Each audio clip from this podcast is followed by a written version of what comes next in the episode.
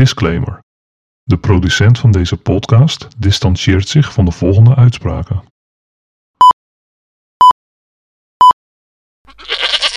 Ja, en de- de- de- dat hebben de moffen daar weer niks was mee te die maken. tijd. Is dat een liedje trouwens? Ik weet het niet eens zeker. Begin maar wat. Mooi was die tijd. De zangeres zonder naam, geloof ik, ja.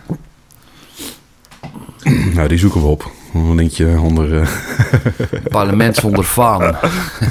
Ik had nog iets, even iets te roken nodig trouwens. Een monumentje, even wachten. Want eh, dan kunnen we los hoor. Daar we een checkje bij. Zijn we zover lopen, was dat? Oh, Jezus Christus, man. Hè, ik zit net. Ik ben net binnen. Ja, ja jij bent wel binnen, inderdaad. Maar... Ook goedemiddag uh, Hendrik. Welkom weer uh, Ja, goedemiddag, Deze Sjaak. uitzending. Heugelijke dag. We gaan het vandaag hebben over Europa. Best wel belangrijk, ja. Ja, dat is ook een mooie slogan. Ja. Ja, ja, ja, ja dat, dat was een paar jaar geleden Je, inderdaad. hebt- voor de, je, je had ooit, ooit de ambitie van het derde rijk en nu heb je het belangrijk. kan niet op jongens. ja, nou ja, Nou, het, de is, checkie is klaar. het is geen rijk. Nee. Drie. Ja. Twee, één. Knallen maar. ja, knal jij dan? Ja, ik steek nog even aan. Monumentje. Maar om met de deur in huis te vallen, dan ben jij nou Europeaan? Ja, per definitie. Ja? Ja, ja, zeker. Ook als je tegen de EU bent, ben je Europeaan als je hier woont, toch? Of, eh, Omdat het grondgebied Europa is en je daar geboren bent. Ja, en, jouw, en jouw, eh, jouw bloed komt hier vandaan, zeg maar. Maar zal iedereen die die vraag krijgt dat op die manier... eh, Nou, een betere vraag is: voel jij je meer Europeaan of Nederlander, Duitser, eh, Portugees? Ja. Ja, terwijl het dus eigenlijk niet kan, zoals je hem net claimt. Hè? Want je bent geboren op Europees grondgebied, net zo hard als het Nederlandse grondgebied. Dus je bent eigenlijk van beide net zoveel En of net zo weinig. En ik Ja. ben wel meer. Ik, eh, ja. Maar zo zullen mensen dat niet beleven, denk ik, als je die vraag stelt. Nou, de meeste mensen die voelen zich eh, inwoner van hun stad, bijvoorbeeld. Hm. Ah, ja, Ajaxiet ook nog. En Nederlander en Europeaan. Blanke. eh, Utrechter in de provincie nog? Utrechtenaar, hè? Ja? Jazeker. Oh, Die zijn er absoluut, hoor. Ja. Nou ja, ik kom de provincie ook niet vaak uit, hè, dus eh Oh, oh, een bel. Een bel. Pino is er vroeg bij. Eh, in hoeveel Europese landen ben jij eigenlijk geweest? Ik denk dat dat wel een goede eh, graadmeter kan zijn, ja. Waarvoor een graadmeter? Voor hoe, eh, hoeveel Europeaan jij bent, of dat jij gewoon echt een... eh, Hoe uit-. Ja, of jij... Nee, ja, of, of, of je het bent. Of dat je gewoon uit de klei getrokken provinciaal eh, bent. Ja, ik kom, ik kom op drie eigenlijk Europese landen waar ik ben geweest. Jezus. En dan tel ik Nederland zelfs mee, dames en heren. Oeh. Dus, Jezus Christus, ja. ja, dan snap ik ook wel. Want je- ja, alvast verklappen dat jij iets minder positief tegenover het Europees project staat dan ik. Maar onbe- ah, dat moet nog blijken. onbekend maakt onbemind misschien. Dus ja, het, eh, Ja, maar zou, ja, zou ik als ik met de auto naar Tsjechië zou zijn geweest, zou ik dan in één keer het Europese project, eh, de Europese Unie, eh nou, als jij, sympathieker ehm, hebben gevonden? als je bijvoorbeeld zoals ik, ik ben eh, naar Ierland geweest heel veel. Mhm. Vanaf dat ik een jaar of elf was tot nu, dus er is behoorlijk wat tijd tussen. En ik heb in die tijd, heb ik dat land een enorme sprong zien maken qua ontwikkeling en infrastructuur. En dat komt door Europees geld. Al die wegen, iedere keer dat we daar rondreden, zag een nieuwe weg, stond er een bord bij met mede mogelijk gemaakt door de Europese Unie. Dus, dus structuur- en en zo. Oké, ja, sympathiek. Ja, ja dat was echt een, echt, echt een knakenland ik- van je welste. Ik ben nooit in Polen geweest, maar in Polen heb ik toch vernomen dat daar gewoon eh, geluidsmuren, of geluidswallen werden gebouwd ergens langs Lekker weg waar überhaupt ja. helemaal niemand eh, woonde. Ja, dat Want klopt, Daar was ja. Europees geld voor en dat is lekker voor de werkgelegenheid. Ja, Nou, ja. dat is al een eerste ja. argumentje om een beetje mijn, eh, mijn houding ten aanzien van de Europese Unie Ja, maar te introduceren. noem je ook een land inderdaad, Polen. Het, Nou nee, dan noem ik een uitvoeringsorgaan voor die herverdeling Europese Unie. ja, ho, ho, maar zo werkt het niet. Het is niet dat de Europese Unie eh, een kantoortje heeft in Polen wa- wat beslist waar er geld heen gaat. Dat geld wordt overgemaakt aan de Poolse regering. Ja, er wordt toch een aanvraag voor gedaan voor een bepaald doel wat met Europees geld kan worden bekostigd. Door de Poolse regering, ja. Ja. En dan eh, wordt dat goedgekeurd, dat plan. Ja, waarom dan- wordt het goedgekeurd dan? Nou ja, gewoon omdat we niet Mag zo... hopen dat we ons collectieve geld verstandiger besteden dan een geluidsval langs een weg waar verder niemand woont. Nou, over hoe verstandig dat ge- collectieve geld besteed wordt, daar kun je een hele hoop vragen bij stellen. Mhm. Een kleine vraag. Eh, Weet jij hoe vaak de Europese Rekenkamer de eh, begroting heeft goedgekeurd? Sinds, uh, Zo dicht zit ik er niet op. Maar... Sinds 1958. Sinds we, ik ben heel weinig zelfs. Of sinds 1970 hebben we een Europarlement wat dat uh, dan goed moet keuren. Um, dat is nog nooit. Nog nooit zelfs? Nog nooit. Er is nog nooit een uh, positieve accountantsverklaring afgegeven. Ja, ze mogen toch door, want die rekenkamer is ja, leuk je moet, je moet er ter informatie en advies. En, ja, ja, ja, ja, Maar wij spelen ons spel. Ja, en het is dus ook gewoon... zodra ze in Brussel hebben gezegd... Nou, oké, okay, uw plan is goed. we maken dat geld naar u over in Polen. Dan is het uit hun handen. Dan kunnen ze er niks meer aan. Nou, maar ik zou, ik zou bijna met het voorbeeld dat jij net gaf over Ierland... zou ik ook heel positief kunnen worden over de Europese Unie. Hoor. Want ik ben ook wel eens uh, ja. in, in, in Nijmegen bijvoorbeeld uh, geweest. Nou, dan reed ik uh, langs ook een stationnetje als ik naar... Was dat naar Dukenburg? Nou ja, in ieder geval ergens in de buurt van Nijmegen... reed ik dan langs een station wat nog in aanbouw was... met hele grote plakaten dat het ook mede gefinancierd was door de Europese Unie. En ik dacht maar één ding is, we kunnen dit zelf betalen. Als wij dit zouden willen, als wij Ja, dit hier wensen, klopt, betalen we dat zelf. Dat kunnen wij. Dat Klopt, hoeft niet via de Europese bij Unie. ons is dat ook een klein stukje cofinanciering wat we dan krijgen. Mhm. Eh, in- ja, wij betalen onze, onze infrastructuur, uitbreiding en vernieuwing gewoon bijna helemaal uit eigen zak inderdaad. Maar een land als Ierland... Wat, Ja, je geeft wat en je krijgt er wat voor terug, zeg maar. Ja. Maar eigenlijk misschien één op één. Of er blijft zelfs meer aan de strijkstok hangen dan je lief is voor het project. dat verschilt. Maar in, in een land zoals Ierland, dat heeft toen ze er net bij kwamen heel veel geld ontvangen. Mhm. En eh, daar heel veel eh, wegen mee aangelegd. En nu liggen ze er. Nu is dat land een stuk, eh, ga- gaat echt een heel stuk beter daar dan, het, dan destijds. En ja, nu zie je daar dus ook minder borden. met dit, dit project is mede mogelijk gemaakt met Europese steun. Dat, Maar hier in Nederland zijn na de Tweede Wereldoorlog... en een beetje dan voordat de Europese Unie dit soort projecten oprichtte... zijn ook heel veel ehm, ja, herstelwerkzaamheden onder het Marshallplan uitgevoerd. Ja, ja, Waar kwam dat geld vandaan? Amerika. En heeft Amerika nu op die manier directe invloed op ons... dat wij politieke macht aan Amerika cadeau hebben moeten doen... Ja. om dat soort dingen Ja. gedaan te krijgen? Eh, jazeker. Ehm, er eh, hoorden ook wel voorwaarden bij. Eh, die Marshallhulp die moest je dan besteden aan, aan spullen die je van Amerikanen kocht. Die tractoren die hier allemaal naartoe kwamen. de, de, de prefabbouw voor de industrie en schuren en zo. Dat kwam allemaal uit Amerika. Het was een soort gedwongen winkelnering. En daarmee heeft Amerika Europa aan zich kunnen binden. En een andere voorwaarde was, nou oké, dan, eh, dan geven wij jullie geld hier in West-Europa. De Oost-Europese landen hebben het ook aangeboden gekregen, maar dat mocht niet van Stalin. Die heeft gezegd, wij weigeren dat.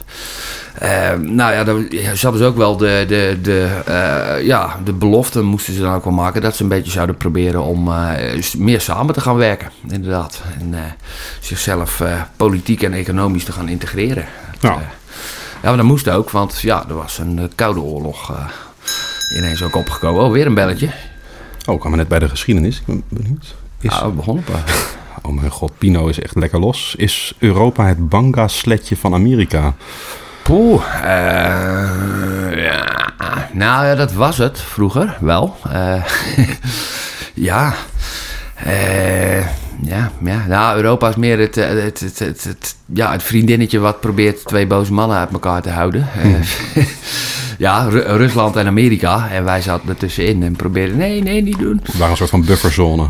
Ja, dat een bufferzone. Maar ja, ook, ook, ook de, de market garden, hè, de tuin van hun afzet voor de langere termijn. Nou, die investeren in het Marshallplan. Dus, eh, ja, want het, dat is het best besteden geld wat, wat Amerika ooit heeft uitgegeven. Want het was, als je dat naar de maatstaven van vandaag bekijkt, niet zoveel geld. Maar ik weet niet, het was wel een paar procent BBP hoor. Was het, eh, wat ze in één keer even overmaakten. Het, eh, En efficiënter ingezet dan het geld wat in ieder geval in Polen bij die geluidswallen terecht is gekomen. Ja, Want ik ja. woon nog steeds in zo'n huis wat mede daardoor gebouwd is. Nou ja, dat is, ge- geeft ook maar aan dat, dat de ene internationale samenwerking en, en, en, en hulp- en opbouwproject het andere niet is. Nou, ja, ook al eh, binnen de Europese Unie, kijk, toen bijvoorbeeld Ierland erbij kwam, of, of eh, god, noem er nog eens een goede.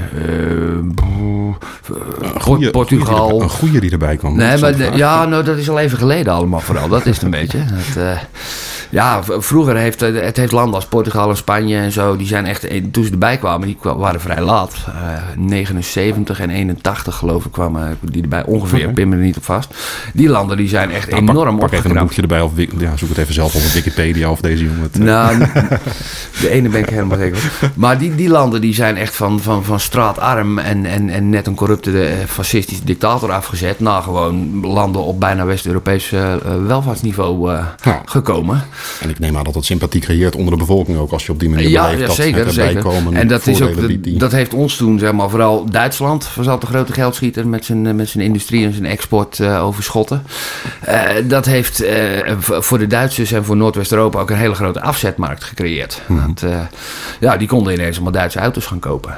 En, dat konden ze daarvoor van, ja, van hun leven niet, zeg maar. Het is eigenlijk een beetje een win-win situatie om die slappe term maar erin te Ja, houden. nou een beetje ergens. zoals voor Amerika de Marshallhulp ook was. Dat, oh. ja, en het is ook, ja, net zoals met de Marshallhulp. Kijk, als je, als je die landen er niet bij trekt, was het idee. En je laat ze aan zichzelf over, dan kunnen er wel eens nare dingen gebeuren. Kunnen ze foute vrienden krijgen. Het, uh, ja. Of zelf foute regimes uh, blijven kiezen. Uh, blijven kiezen, ja. Ja, ja, ja en, en dat is nou toch iets dat, ja, dat wilden we niet meer. Want nooit meer fascisme en nooit meer oorlog en zo. Maar in Portugal en Spanje en in Griekenland heel lang na de Tweede Wereldoorlog zaten gewoon fascisten aan de macht. Ja, ja dat, maar we, we, zitten nu midden in de bestaan van de Europese Unie eigenlijk al? Of het ontstaan. De voorgangers? Heet ja, ja, 1979, 1981. Uh, waar, waar, zijn we begonnen? 58. Uh, of trouwens, nou, uh, eerder nog 1950 kwam de Europese gemeenschap voor kolen en staal.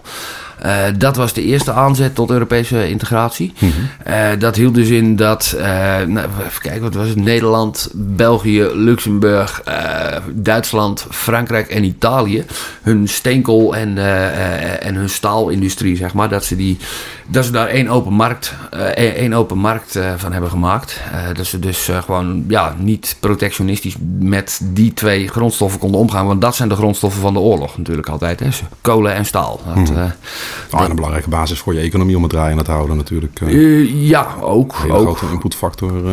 Ja, een hele grote inderdaad ja. toen. Maar ja, dat, dat was... Kijk, nu hebben we... Uh, tegenwoordig is het vrij verkeer van personen, diensten, goederen en kapitaal, zeg maar. Nou, dat was ooit. Nou, wel al. Coronatijd, dus we zitten weer Maar het begon dus met...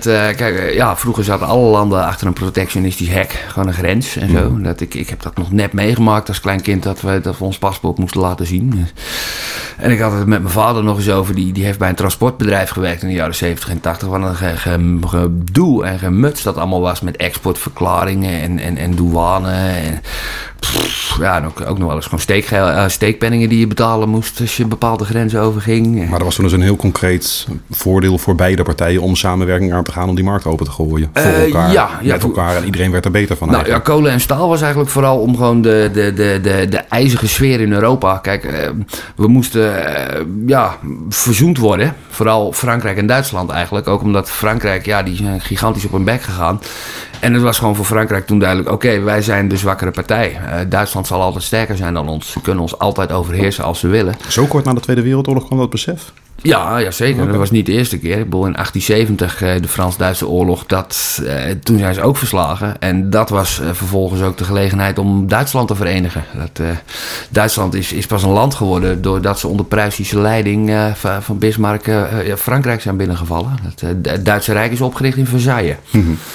Dat, da daarvoor was het gewoon een beetje een los, uh, ja, een los vast keizerrijk met 300 uh, kleine staatjes. Ja, ja, ik heb wel eens zo'n kaart zien, gezien met de ontwikkeling ja. over tijd. En dat was wel heel mooi hoe je daar. Ja, ja, ja. Maar dan focuste ik natuurlijk vooral op Nederland, hè, hoe de provinciën samenringen werken. Om te komen. Ja, ja. Dan een klein beetje navelstaren misschien. Nou, Nederland maar, is datzelfde in het klein inderdaad. Want die, ja, in, in de 15e eeuw hebben Utrecht, Gelderland en Holland elkaar gewoon helemaal de tent uitgevochten die stonden elkaar naar het leven. En dat, uh, ja, dat is ook pas door een gezamenlijke vijand en door een oorlog hmm. tegen de Spanjaard en, en zijn overheersing. Uh, zijn wij een natie geworden en een land en een nazistaat. Wij waren de, de eerste proto-nazistaat eigenlijk van Europa. Dat weet ook niet iedereen. Maar, maar wat is een proto-nazistaat? Nou, een nazistaat is uh, wanneer de grenzen van een land en de. de moest om het woord nazistaat toch eventjes sniffelen in mijn hoofd. Oh. Ik denk dat is een natie die nog niet. nee, nee, geen. Fout. Oké, okay, sorry. Nee, nee, geen nazistaat. Nee, dat kwam later. nee, nazistaten zijn gewoon dat je uh, één volk, één land hebt, mm -hmm. zeg maar. En één politiek lichaam. En dat, uh, dat dus was... een bestuurslaag boven eigenlijk de oudere bestuurslagen die op een kleiner niveau Nou, bestonden. op een klein niveau, maar ook juist grotere niveaus. Het was zo dat uh, alle keizers en koningen die je toen had in Europa, die hadden vaak, uh, ja, daar woonden mensen die Duits spraken, uh, er woonden mensen die Frans spraken, er woonden mensen die een dialect spraken, er woonden mensen die Tsjechisch spraken, Pools. Mm -hmm. Er waren allemaal multi-etnische koninkrijken. En dat was dus niet uh, het, het, het verenigende thema was niet uh, wij zijn een volk en wij uh, hebben zelfbeschikking en zo. En daarom zijn wij een staat. Maar het was gewoon de koning, die verbond het. Ja, maar dat was ja, onderdaan gewoon van. een heerser en daar... Ja, ja. En, en jij was zijn bezit, inderdaad. Maar de, een natie staat gewoon dat een volk zegt... nee, wij, wij willen ons eigen, gewoon samen voor ons eigen zijn. Ja? en het, het, juk afwerpen, nou, dat, daar waren wij dus de eerste in.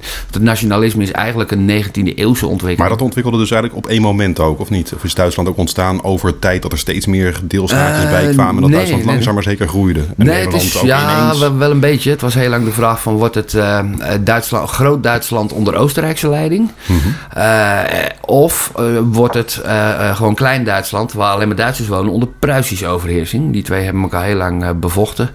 En uiteindelijk hebben de Pruisen gewonnen. En dat, daardoor werd Duitsland dus ook een nazistaat. Als de Oostenrijkers gewonnen hadden, de Oostenrijkers hadden ook in, in Oost-Europa, de Habsburgers hadden daar ook nog heel veel bezittingen. De Tsjechen, Polen, Hongaren, allemaal erbij. Dan was het multi-etnisch gebleven. En dan was misschien nooit de Duitse ziel zo. Nou, dat is misschien wel een relevant punt waar je nu aansnijdt. Dat dus de etniciteit eigenlijk, dus het, een soort van cultureel één voelen, al heel belangrijk is geweest bij het worden van één op een hoger niveau met een nieuwe bestuurslaag erboven. Ja, ja zeker. Ja. En nou ja, daar dan misschien ook meteen even een groot puntje van kritiek tegen de Europese Unie. Mm. Die, die, kennen we niet, hè? Dus die Europese identiteit. Ja, nee, klopt. Is ja. Er is wel uh, een, een, soort van over, over, overlappend, overkoepelend concept van een Europese cultuur, zeg maar. Ja, hoe zou je dit beschrijven? Want Maxima weet niet eens de Nederlandse identiteit te beschrijven. Nou, die bestaat niet. de, de Nederlander bestaat ja, niet. Ja, dat was een complimentje. Zij is verkeerd begrepen. Ik vind dat oh, zo vervelend. Ja, dat was een beetje dom. Nee, ja, nee helemaal niet. Nee, het was, was gewoon kwaadwillend van, van mensen die er bovenop doken. Want wat zij wilden zeggen is dat Nederlanders een heel veelzijdig volkje zijn. En dat is niet helemaal zo eigenlijk. Maar dat was een complimentje wat ze bedoelde. Ja, we zijn toch een beetje van de... nee, sorry. Maar een Europese identiteit... Uh, Zit hier nou dwars doorheen te bellen? God, verdomme. Ik wou net iets heel moois gaan zeggen. ja. ja, waarom bestaat België? Uh, ja, is een bufferstaat. Uh, zo, ja, waarom bestaat België? Om met je tanks doorheen te rijden als je naar Frankrijk moet. Ja. ja. Als je deze vraag aan een Belg zou stellen... Een Vlaming. Ja, allee, wat, zou, wat zou die dan zeggen? Ja, dat is zo gekomen. Hè? Die, ja. Heeft er iemand een goed antwoord op? Nou ja, uh, Nederland was verslagen door Napoleon en zo. En uh, toen Napoleon weer weg was, wilden ze dus als bufferstaat tussen Nederland en Frankrijk en Engeland in een, een soort van machtig koninkrijk hebben. Mm -hmm. En dat werd dus de voormalige Republiek der, der, der Verenigde Nederlanden en uh, de Habsburgse Nederlanden heette dat. Dat is wat we nu België noemen. dat werd toen bij elkaar gevoegd, zeg maar. En dat, uh, ja, onder, onder, koning Willem I... Ja, die eh, werd ook ergens uh, van, van, van, uit een paleis in Engeland getrokken. Dat was een verre neef van Willem van Oranje of zo. Ja, hier, maar hier hij was koning. Veel plezier. Maar dat was dus geen, geen nazistaat, want dat, dat, ja, daar zaten dus ook Hier, Belgen in. koning, alsjeblieft. Ja, ja. succes ermee. Ja, nee, maar dat was Je kan hem eventueel afmaken, mocht hij... Nou, nee, maar dat was natuurlijk een grove belediging van ons als Nederlanders. Want wij hebben in Noordwest-Europa de republiek als eerste ontwikkeld en, en geperfectioneerd. Mhm, mhm. ja, en maar dan kreeg je ook een koning, toch? Keertje. Nee, nee, nee, de Republiek had geen koning. Daar had een Nee, maar later, later kregen we ergens een keer een, uh, ja, een koning. Nee, klopt. klopt. Na, na, Napoleon inderdaad, na het congres van Wenen. Toen, uh, ja, al, al die moderne experimenten, dat heeft alleen maar ellende opgeleverd. Iedereen gewoon een koning. -hmm. Ja, een absolutistische koning graag. Terwijl dat iets is wat wij al sinds de middeleeuwen niet meer hadden. En dat is, dat is heel uniek. Daarom zijn wij zo... wij zijn terug in de tijd geworpen eigenlijk toen. Ja, enorm ja, inderdaad. Terwijl we altijd heel erg voorop uh, hadden gelopen. Wij, wij hebben ja, alles een paar honderd jaar eerder gedaan dan de landen om ons heen. Gewoon één worden, een nazistaat worden. Een gezamenlijke het, voordeel, het, voordeel bij, het voordeel bij zo'n koningshuis wat opgelegd wordt is wel vrij simpel. Ik, zei, ik grapte het net al een beetje. Om ervan af te geraken, hoef je hem eigenlijk alleen maar om te leggen. Ja, maar dat doen wij niet. En misschien zijn nageslacht. Maar dan ben je er wel klaar mee en dan moet er wat anders. Nou, Want hij is niet meer. Als wij dat, gedaan, zij, als, wij dat gedaan hadden, uh, dan waren de, de, de Pruisen, oftewel de Duitsers en de Fransen en de Engelsen gezamenlijk binnengevallen en hadden er een nieuwe neergezet. Dat was het idee mee. Oh, oh weer een belletje. Ach, een hart, jongen. Kunnen we België annexeren? Uh, moet je dat willen? Ja, uh, ja. Erbij, Allah. Maar ja, ja, moet je dat willen annexeren? Nou nee, dat hebben we, ja... Ze zijn ondankbaar. Slaat dood dat muitzieke rot der Belgen. Nou, maar voor het, wacht even, voor het niveau van ons taalonderwijs zou het nog wel uh, misschien wel Ja, zeker en vast. Zijn, ja, absoluut. Ja. Beetje eer voor onze taal. Zelfs alle termen die tegenwoordig voorkomen, die zijn eigenlijk alleen maar Engels. Ja, ik, ik, We zitten in een lockdown en... Uh, ja, verschrikkelijk. Hè? Verzin het. Ja, ik weet niet hoe Kom maar ook op één. Heerlijk. ik weet niet hoe het in België, hoe ze het in België precies noemen, maar ja, daar, daar, doen ze minder aan anglicisme dan wij inderdaad. Ik zat eens, ik zat eens opzoeken. Het interessant. Hoe noemen ze dat? Een lockdown? Nou, ik, ben bang dat ze toch die term ook gebruiken. Om dit maar buiten de deur te houden. Ja, ja, dan hoeven we dat niet ons te, te, te internaliseren als, uh, nee. als verschrikkelijk. Nee, maar België is dus geen land. Hè? België is een, is een, is een politiek construct, een, een, een, een, een, ja, een, een etnisch allegaatje van, van dingen die helemaal niet bij elkaar passen of horen. Mm -hmm. In die zin is het EU in het klein. Ja. Het is, maar, en, en, nou, ja. daar geef je al een goed argument ook waarom we dat misschien toch niet helemaal zouden moeten nou, willen. Nou, maar toch, uh, het is beter dan wanneer België er niet was geweest, denk ik. Want ja, die Belgen, die, de, er is ook een Belgische identiteit ooit geweest, ontstaan. En dat was... Uh, ja, die, ja, gedeeld tussen de Franstaligen en ja, de Ja, wij moeten die, die, die Hollanders, die hebben ons lang genoeg onderdrukt. Mm -hmm. En uh, ja, destijds waren de Franstaligen waren de, de, de, de, de machtigste factor binnen wat wij nu België noemen. En die Vlamingen waren allemaal, allemaal tandeloos boeren. Uh, ja, en die waren dus allemaal katholiek. En Nederland had ook wel katholieken, maar dat waren gewoon tweederangs burgers hier. Sinds Willem van Oranje, de vader des vaderlands vermoord hebben, moesten ze in Schelkerken resideren. Mm -hmm. En we hadden een staatsgodsdienst met, uh, vanuit onze koning. En dat was het protestants-christelijk uh, geloof. Ja, en dat betekende gewoon dat we dus niet echt wilden luisteren naar die Belgen die gewoon uh, katholiek wilden zijn en dat gewoon wilden mogen doen. Maar waarom is Noord-Brabant en uh, Limburg dan niet ook aan de Belgen cadeau gedaan? Is dat nou, nou, nou, dat is in, in de, gedurende de 80-jarige oorlog, dat was eerst dus de hele Nederlanden. Toen is na 1585 is er eigenlijk een soort van breuk gekomen. Toen is dat hele zuiden, dat is toen gewoon Spaans of Habsburgs gebleven. En dat, is, ja, dat was toen een hele onnatuurlijke grens. We werden een stuk afgehakt. Maar maar dat hebben we dus eh, 300 jaar zo wat volgehouden. Dat ze dus onder verschillende eh, regimes vielen. Ja, en dan ben je wel uit elkaar gegroeid. Ja. Nou. Toen was dat, ja, en, en Kijk, de Brabanders en Limburgers en zo, dat waren toen ook geen medeburgers. Dat waren gewoon onderdanen, zeg maar. Die, uh, en, en, ja, heel, uh, dat hele zuidelijke grensgebied lag helemaal vol met, met garnizoensteden. Waar dus uh, de koning troepen had gelegerd. Zodat als die vuile, vuile papen het zouden wagen om, om opstandig te worden. dan zouden we zo eens even een lesje leren, ja. En, en dat Je waren we. geen van katholieken nog steeds. Nou, nee, ja. Ik, vanuit mijn Nederlandse identiteit als echte Hollander kan ik daar nooit echt fan van zijn. Maar vanuit je. Europese identiteit dan? Wat je uh, ja, nou, vanuit mijn idee, Europese identiteit. Nou ja, de Europese identiteit, het begin van het Europese project is dus ook dat we over dat soort tegenstellingen heen zijn gestapt. Ja. Hmm.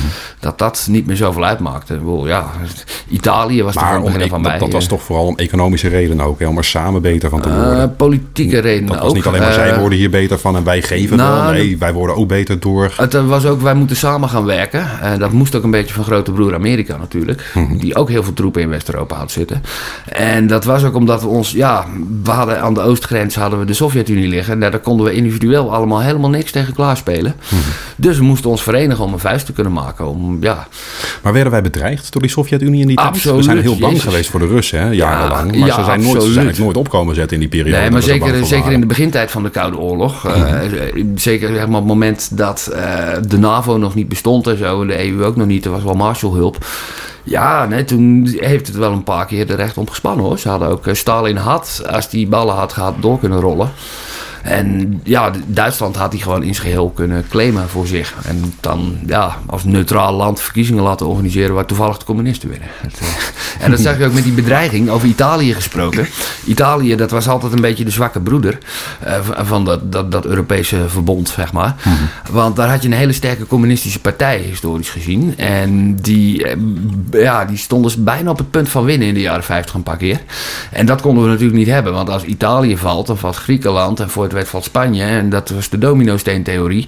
Als je de Sovjets één vinger geeft, dan uh, nemen ze de, uh, ja, oh, het hele land. best wel actueel, zoals je het nu zegt. Hè? Ja, in welke zin? Nou, als Italië valt en Griekenland valt, dan valt Spanje en valt Portugal. Ja, nou, maar dan... De financiering van die landen, denk ik dat we er eigenlijk helemaal niet zo ver vanaf zitten. Ja, maar als we die landen... Die domino is opnieuw opgericht. Maar als we die landen dus, dus, kapot laten vallen, dan, mm. uh, dat zie je nu ook wel een beetje gebeuren. Dan komen er anderen die hun vriend willen zijn, zoals China. China ja. ja. precies. Dat heb ik in, in, in, Portugal ook wel Maar dat, dat is fijn, want ik wil nog even terug naar Rusland. Zwitserland. Want het leuke is namelijk dat we daar dus een gemeenschappelijke vijand hadden. Ja. iets wat waarschijnlijk wel een basis zou kunnen hebben geboden voor het hebben van Europese identiteit.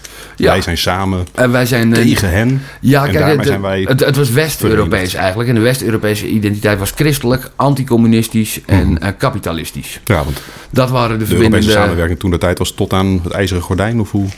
nou, tot aan, ja, West-Duitsland zat er dus in. Mm uh, Oostenrijk was, was neutraal nog heel lang. Dat, uh, dat moest. Dat hadden ze zo afgesproken.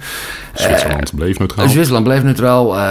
Zuid-Europa was allemaal fascistisch, behalve Italië. Het, ja, en Italië was natuurlijk wel belangrijk. Dat als die om zou vallen, dan kon. Maar Zwitserland voelt zich ook verheven, hè? Logisch, als je op een berg ja, zit. Ja, flikker op, man. Terecht. Ja, een beetje bloed, Goed voor elkaar daar. Een beetje bloedgeld aannemen en geen vragen stellen. En dat is, geen business model. Dat is gewoon een schurkenstaat. Nou, nee, dit, dit, dit is gewoon wrok. Weet je, wij proberen in de Tweede Wereldoorlog ook, ook neutraal te blijven.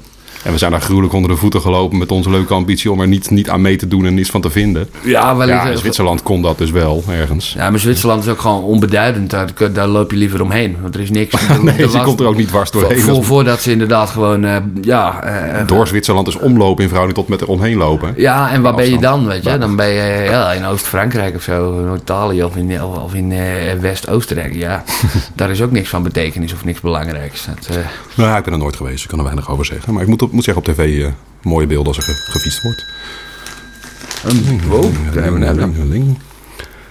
Wat is het mooiste stukje Europa? Uh, Jezus, ja. Euro ja, hebben we het nu over geografisch Europa? Ik zelf in maar ik heb nog geen antwoord. is dan de vraag, maar vertel. Ja. ja, ik twijfel ook. Maar ik denk toch mijn achtertuin. ja. Fucking navelstaren, dat ben je.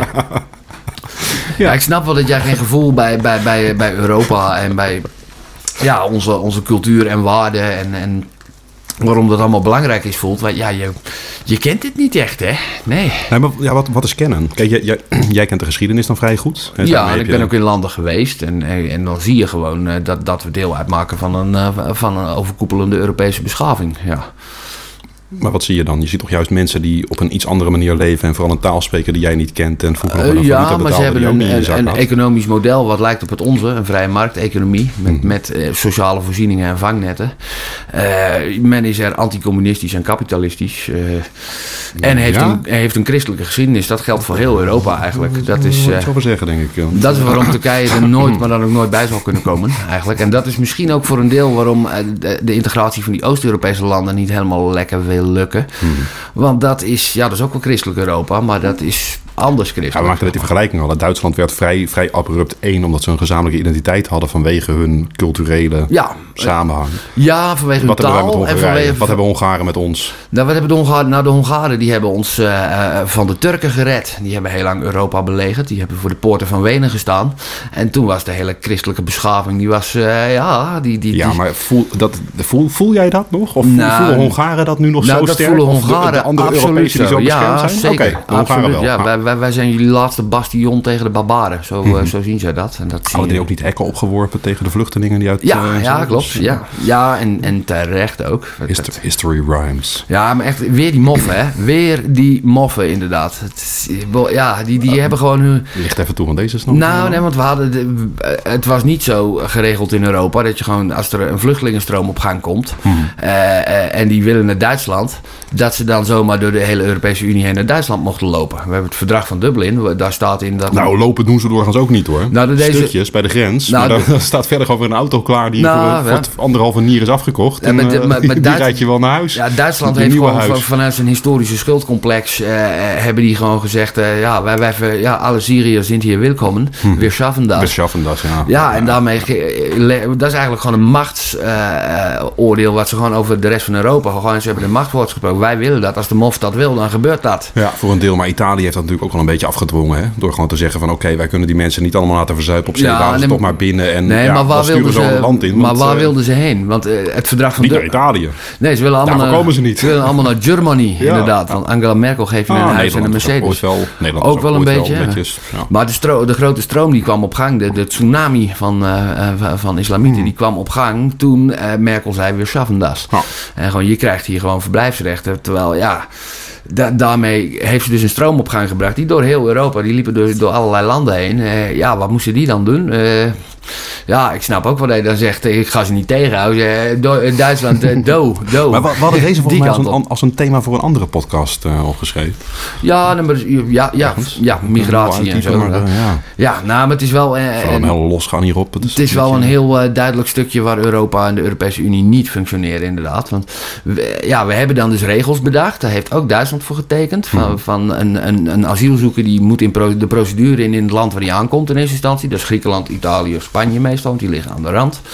Uh, ja, en daar hebben zij gewoon gezegd, ja, dan hebben wij scheid dan. Uh, joh, ze komen gewoon allemaal hierheen of zo. Oh. En daarmee hebben ze gewoon een bom, hele bom eronder gelegd. En gewoon alles op losse schroeven gezet. En dat, dat zie je vaker, hè. Dat ook met, met stabiliteitspact voor de euro, met begrotingsnormen en zo. Dat, uh, ja, wij zeiken op die Grieken. Oh ja, maar de Duitsers zijn ermee begonnen. Ja, krijg ik die lening aan Zuid-Europa ooit nog eens terug? Ja, nou ja. Nee, maar je houdt er wel een goede vriend aan over. ja, nee, ik, ik kan er ook alleen maar nee op zeggen. Nee, kijk, een, een, een, lening heden ten dagen is ook niet iets meer wat je aflost. Hè. Dat is helemaal nee, we, we infleren hem weg. Je moet het wel her kunnen financieren, dat is het enige ah, wat relevant is. het is een piramidespel op het allerhoogste niveau wat we gelegaliseerd hebben met elkaar. Of nou ja, in ieder geval uh, ja, vinden dat het kan of dat het zo hoort. Ja, het is gewoon eigenlijk, ja, het is heel oneerlijk. We, krijgen hem niet terug inderdaad. Maar, maar mensen die een schuld hebben, die hebben dan een voordeel. Want die hoeven hem niet terug te betalen. Ja. Maar dat is heel oneerlijk. Ja, wie sparen er het meest in Europa? Ja, Duitsers maar, maar en Nederlanders. Dat is ook een beetje, we zitten gewoon klem in een economisch systeem of een monetair systeem waarbij het ook niet eens meer anders kan. Want als we ah. schulden gaan afbetalen, dan is er gewoon geen geld eigenlijk. bijna al dat geld is schuld. Ja, kijk, en, ah, bij, bijna, al, bijna, al die, dus bijna al die hulp die wij aan Zuid-Europa hebben gegeven, waar komt dat geld grotendeels vandaan? Duitsland, want dat is het rijkste en machtigste land. Ja, maar ook Nederland doet ook een. Uh, ja, maar dat is maar een kleintje. Maar gewoon de, de, de, het grote voor. van de bevolking? Nee, maar ik heb het niet over van de bevolking, maar gewoon als, als totaal van het hele bedrag. Het meeste komt uit Duitsland. en als, als Duitsland zegt nu betalen, eh, dan eh, donderen die landen om en dan kopen ze geen Volkswagens meer. Ja, want Duitsland heeft een handelsoverschot. Al die mhm. andere landen hebben een handelstekort. Ja, dan zul je ze toch moeten blijven financieren. Dat was ook bij het eerste noodpakket uh, aan, Griekenland. Daar stond ook ergens op, uh, in een appendix op pagina 93 of zo... Dat, uh, een voorwaarde dat een bepaalde wapenorde... die het Griekse leger had gedaan bij de Duitse wapenindustrie... dat die wel doorging. Ja, dus hier heb je geld, wel netjes vliegtuigen bij ons van komen kopen. Ja, dat heet staatssteun eigenlijk, maar dan heel indirect. Ja. Dat is ook verboden volgens mij in Europa. Ja, precies, maar dat, is dus allemaal, dat heeft helemaal geen fuck te maken met, met, met ons uh, collectief Europees belang en, en wij als beschaving en zo. Uh, dat, dat is gewoon nationaal beleid. Gewoon hm. economisch protectionisme, omdat er anders in Duitsland banen verdwijnen. De Duitsers die schieten al heel lang niet meer. Die zijn uh, een beetje laffe pacifisten geworden na 45, snap ik echt. Maar ze zijn ook toch een enorme wapenproducent. Tanks en bommen en granaten. Het, bij Lises, hè, hoorde ik. Ja, ja. Mogen wij ook even een rondje met de tank rijden, ja. ome Dieter? Doe mij maar een scootmobiel. Ik pak nog even wat te drinken. En pak vooral voor jezelf ook even wat, want uh, ja, ik sta droog. Ja, daar sta je al heel geloof Oh, weer. Oh, oh, oh. Is Europa als organisatie doorgeschoten? Ja, de Europese Unie. Je moet wel even duidelijk onderscheid maken. Europa is een continent, dat loopt tot aan de Oeral in Rusland. Eh, de Europese Unie is uh, een iets kleiner verband, ja. Waar de Britten zelfs zijn uitgevallen. Maar um, ja, is, het, is dat handloop? Nou ja, ja. Niet uh, qua mate van integratie. Uh, want we, doen, uh, ja, we hebben allemaal een hele hoop. De, ja, de verschillende lidstaten die hebben heel veel eigen beslissingsbevoegdheid. Over bijna alles nog eigenlijk. Um, maar het is ondertussen wel uh, heel groot geworden. En ze hebben vanuit Brussel wel een beetje de ambitie dat ze dingen collectief kunnen regelen. Maar iedere keer zie je na zo'n eurotop, dan spreken ze weer wat af. Uh, dat is dat, dat tot diep in de nacht hebben zitten onderhandelen. En vervolgens als het zo uitkomt, dan uh, wordt dat geschonden. Ik heb, ook, ik heb ook even een vraag. Waar ligt Bavaria? Bavaria is Beieren. Dat is Zuid-Duitsland. Europese Unie. Proost. Ja, ja. Heerlijk Europees biertje dus. Ja, ja, dat is een stukje Duitsland wat nooit echt helemaal deel van Duitsland heeft willen uitmaken. Die, die, die voelen zich beter, de Beiers. Die voelen zich beter dan de rest van Duitsland. Het, uh, ze, ze, zijn de vijfde economie van Europa, of zo, zeggen ze dan. Ja. Weet je, ja, weet je dat Beieren op zichzelf de vijfde economie van Europa is? Ja, ja. Nee. Mm. Ja? dat wist ik niet. Ja, gewoon het rijkste stuk van Duitsland. Maar het is van, van... arrogant scheidvolk met, met rare eh, tradities. Ik, ik, ik mat ze niet zo. Maar, ja, ik ben er niet zo mee bekend, zoals je misschien, uh, misschien weet. Ik ben een paar uur in Brussel geweest. Ik heb er één keer overnacht ook in, ja, ja, Brussel. Brussel. Ja, ja, net, omdat het moest, hè. niet omdat ik... en wat was, wat er was, jouw, geen twijfel meer over. Wat was jouw indruk van Brussel? Wat, heb je getwijfeld over België? Ik heb gezien dat ze daar ook kasseitjes bij het stationsplein hebben. En dat als daar wat kasseitjes ontbreken, dat ze daar besluiten gewoon asfalt in te storten. Nou, toen was ik wel klaar met dat land. Ja, ja en als je, als je de hoek omloopt, dan ben je... ook wel uit de collectieve pot, hoor. Je moet oh, toch kijken. Het, het, heeft ook heel Of doe het gewoon eenduidig uh, Oost-Duits beton en... Uh, nou, ja, ben ja, nooit geweest. Brussel heeft ook heel veel moois, hoor. Maar er, staan ook, er staat ook een hele hoop lelijk beton tussendoor. En er staan vooral heel veel roetende, toeterende auto's tussen. Mhm. het, uh, ja, ik, ik weet nog wel dat ik de eerste keer toen ik stage liep in Brussel... dat ik vanaf mijn, mijn, mijn, mijn kot naar het parlementsgebouw liep. En dat ik dus gewoon een straat over wil steken als voetganger. En ik toeter naast me. Ik, schrok me helemaal dood. Nou, jij bent niet de enige. Sorry, nee, ik, ja, ik sprong dus bij die mevrouw zo wat op de motorkap. En toen keek ik opzij en toen zag ik, ah, alles om me heen staat gewoon stil. En daar was een Italiaanse mevrouw en die drukte op haar toeter. Hm. Want uh, ja, gewoon, ja, je staat vast en dat bevalt me niet. Maar dat, dat, dat is wel een, groot, een grote cultuurshock hoor. Dat, in Nederland of Duitsland of zo betekent een autotoeter vlakbij als voetganger betekent levensgevaar aan de kant. Inderdaad. Oh nee, dat betekent voor mij uh, iemand goed iemand. Ja, of als je, een, als je een Turk of zo bent, dan is het inderdaad... Uh, oh, ja, er is, een, ja, er is een, een bruiloft gaande. Ja, ja dat, dat ze blijven toeteren inderdaad. ja, maar in, uh, ja, in Zuid-Europa betekent het gewoon, ja, ik eh, sta vast en uh, dat bevalt me niet. En dat, uh, ja, ik heb ervoor betaald voor die toeter, hè, de, de klakson. Zal ik hem gebruiken ook? Oh, hij drukt zo lekker, jongens. Ja. Hij drukt zo lekker. Ja, hij stinkt die staat, man. Echt mayo verlopen mayonaise en diesel. Ik, zit even, ik zit even mijn invalshoek te, te, te, zoeken nu naar hoe ik, hoe ik eigenlijk even de Europese Unie onderuit kan halen. Want dat was natuurlijk een beetje mijn... oh, dwars door mij heen ook, jongens, jongens, jongens. Hoe werkt de Europese Unie? Laat ik dat eens even aan jou vragen. Want ik heb ervoor gestudeerd. Maar eens kijken... Of, of ik daar een goed antwoord op heb. Of ik wat misvattingen weg kan nemen. Want heel veel mensen weten niet precies ah, Misschien kan ik wel een soort van gooien uit, mijn, uh, uit de, de, wat, wat is de van mijn brein doen over hoe de machtsverhoudingen ook alweer uh, lagen. En, uh, ja, volgens mij hebben we in Nederland een Tweede Kamer die wetgevende macht is. En een kabinet die uitvoerende macht is. Ja. En hebben we in de Europese Unie een heel groot parlement, wat eigenlijk daar alleen maar zit om iets te controleren waar ze heel weinig over te zeggen hebben, want ze mogen weinig inbrengen. En een Europese Commissie die eigenlijk alles voor het zeggen heeft. En nog wat staatshoofden die dan met elkaar daar weer naast staan. Precies, en uiteindelijk je hebt de Europese Raad. Dat, dat is uh, dus gewoon de, de, de premiers, premiers gewoon, de regeringsleiders van de lidstaten. Ja. En die hebben uiteindelijk wel gewoon de, de opperste macht. Mm -hmm. uh, maar de Europese Commissie, die heeft voor een aantal terreinen dus een supranationale bevoegdheid. Supranationaal is dus het nationale uh, uh, niveau overstijgend, overstijgend ja. inderdaad. Dus die anders dan internationaal. Ja, die kom ik toch even in, want anders kom ik zo dom over. Het is niet tussen, maar het is boven, inderdaad. Denken mensen ook, zit ik nou... Uh... Maar dat, uh, dat, dat zijn maar een beperkt aantal terreinen. Dat is buitenlandse handel, -hmm. landbouw, uh, ja, dat zijn eigenlijk de belangrijkste. Die twee. Buitenlandse handel en landbouw. En verder proberen we. Oh, vrij beperkt. Hm? Nou, vrij fucking beperkt. Buitenlandse handel. Nee, dat is daarom. Ja, en, en, ja, en interne markt trouwens. Sorry, vergeet ik nog eventjes. Ja, uh, ja en dat is. Boel, wij zijn de grootste consumenten-economie, uh, zeg maar. ja, het grootste economisch blok ter wereld, zo ongeveer. Qua aantallen mensen dan. Maar. Of nee, trouwens, nee, dat is China. van de economie? Ja. Ja, ja, we zijn alleen... Ik weet niet of Amerika niet we zijn eigenlijk is, een, steeds, maar... Ja, nog wel geloof ik, maar dat, dat verandert. Maar ja, kijk, dat is één land, weet wel. En China is ook één land. En wij zijn er 28. Maar eigenlijk hebben we toch, ondanks dat we al die verschillende landen hebben, hebben we niet 28 kut-economietjes die is, Amerika, is Amerika echt één land? Hè? Want, want de, de, om, de, oppervlakte, de omvang van Amerika, als mm. toch, wat is het, 50, 51 staten? Mm. 52, hoe zijn het 280 miljoen mensen, wij zijn met 800 miljoen hier. Ja. Oké, okay, sorry, die verhouding had ik even ja, niet, zo, uh, ja, niet zo scherp uh, voor de geest. Maar toch de op, het oppervlakte waarop ze wonen, dus de afstand ook gewoon geografisch gezien, is veel groter. En daarmee misschien ook veel lastiger om een gezamenlijke, nou, daar hebben we het in een andere podcast nou, keer over die identiteit is daar op een andere manier ontstaan. Waardoor je er ook gewoon een gezamenlijke beleving hebt van wij zijn Amerika, wij zijn Amerikanen. Ja, ja, hier in Europa zijn er waarschijnlijk, dat is een beetje mijn perceptie. Van, van, van oudsher was Amerika was white Anglo-Saxon Protestants, hmm. zeg maar. Gewoon witte, blanke, blanke Anglo-Saxische ja, protestanten. de stroom van migratie daar op gang kwam. En daar ja, maar die, dat was de dominante cultuur die gevestigd was, zeg maar. In het begin zeg maar, van de kolonisatie van, van Amerika. Hmm. Ja, en daar zijn daarna inderdaad een hele, hele, ja, hele massa als mensen in de 19e eeuw nog naartoe gekomen. Vooral uit Oost-Europa en Duitsers. Maar die zijn, hebben allemaal Engels geleerd. En die hebben allemaal hun achternaam wat versimpeld. Het, uh, dus je assimileerde daar gewoon eigenlijk als je daar naartoe wilde. Ja, bepaalde, bepaalde groepen iets minder. Maar de, ja, het ideaal van de Amerikaanse geschiedenis is dat de melting pot is. Een smeltkroes van culturen en zo. Ja, en daar zijn dus, dat is één vormeloze brei geworden, zeg maar. Het, uh, ja. Nou, ik ga toch even een, een hazensprongetje, of hoe noem je dat? Een, wij zijn dat een, niet. Een sprongetje maken naar... Eenheid in verscheidenheid. Een, punt wat ik wil maken waarvan ik niet helemaal weet hoe ik dat moet relateren aan waar we nu zitten. Hoe werkt Europa? En dat is, ja, vertel. Ja, niet wilde ik eigenlijk kort samenvatten, maar dat is niet helemaal, dat is te kort door de bocht. Echt, zo.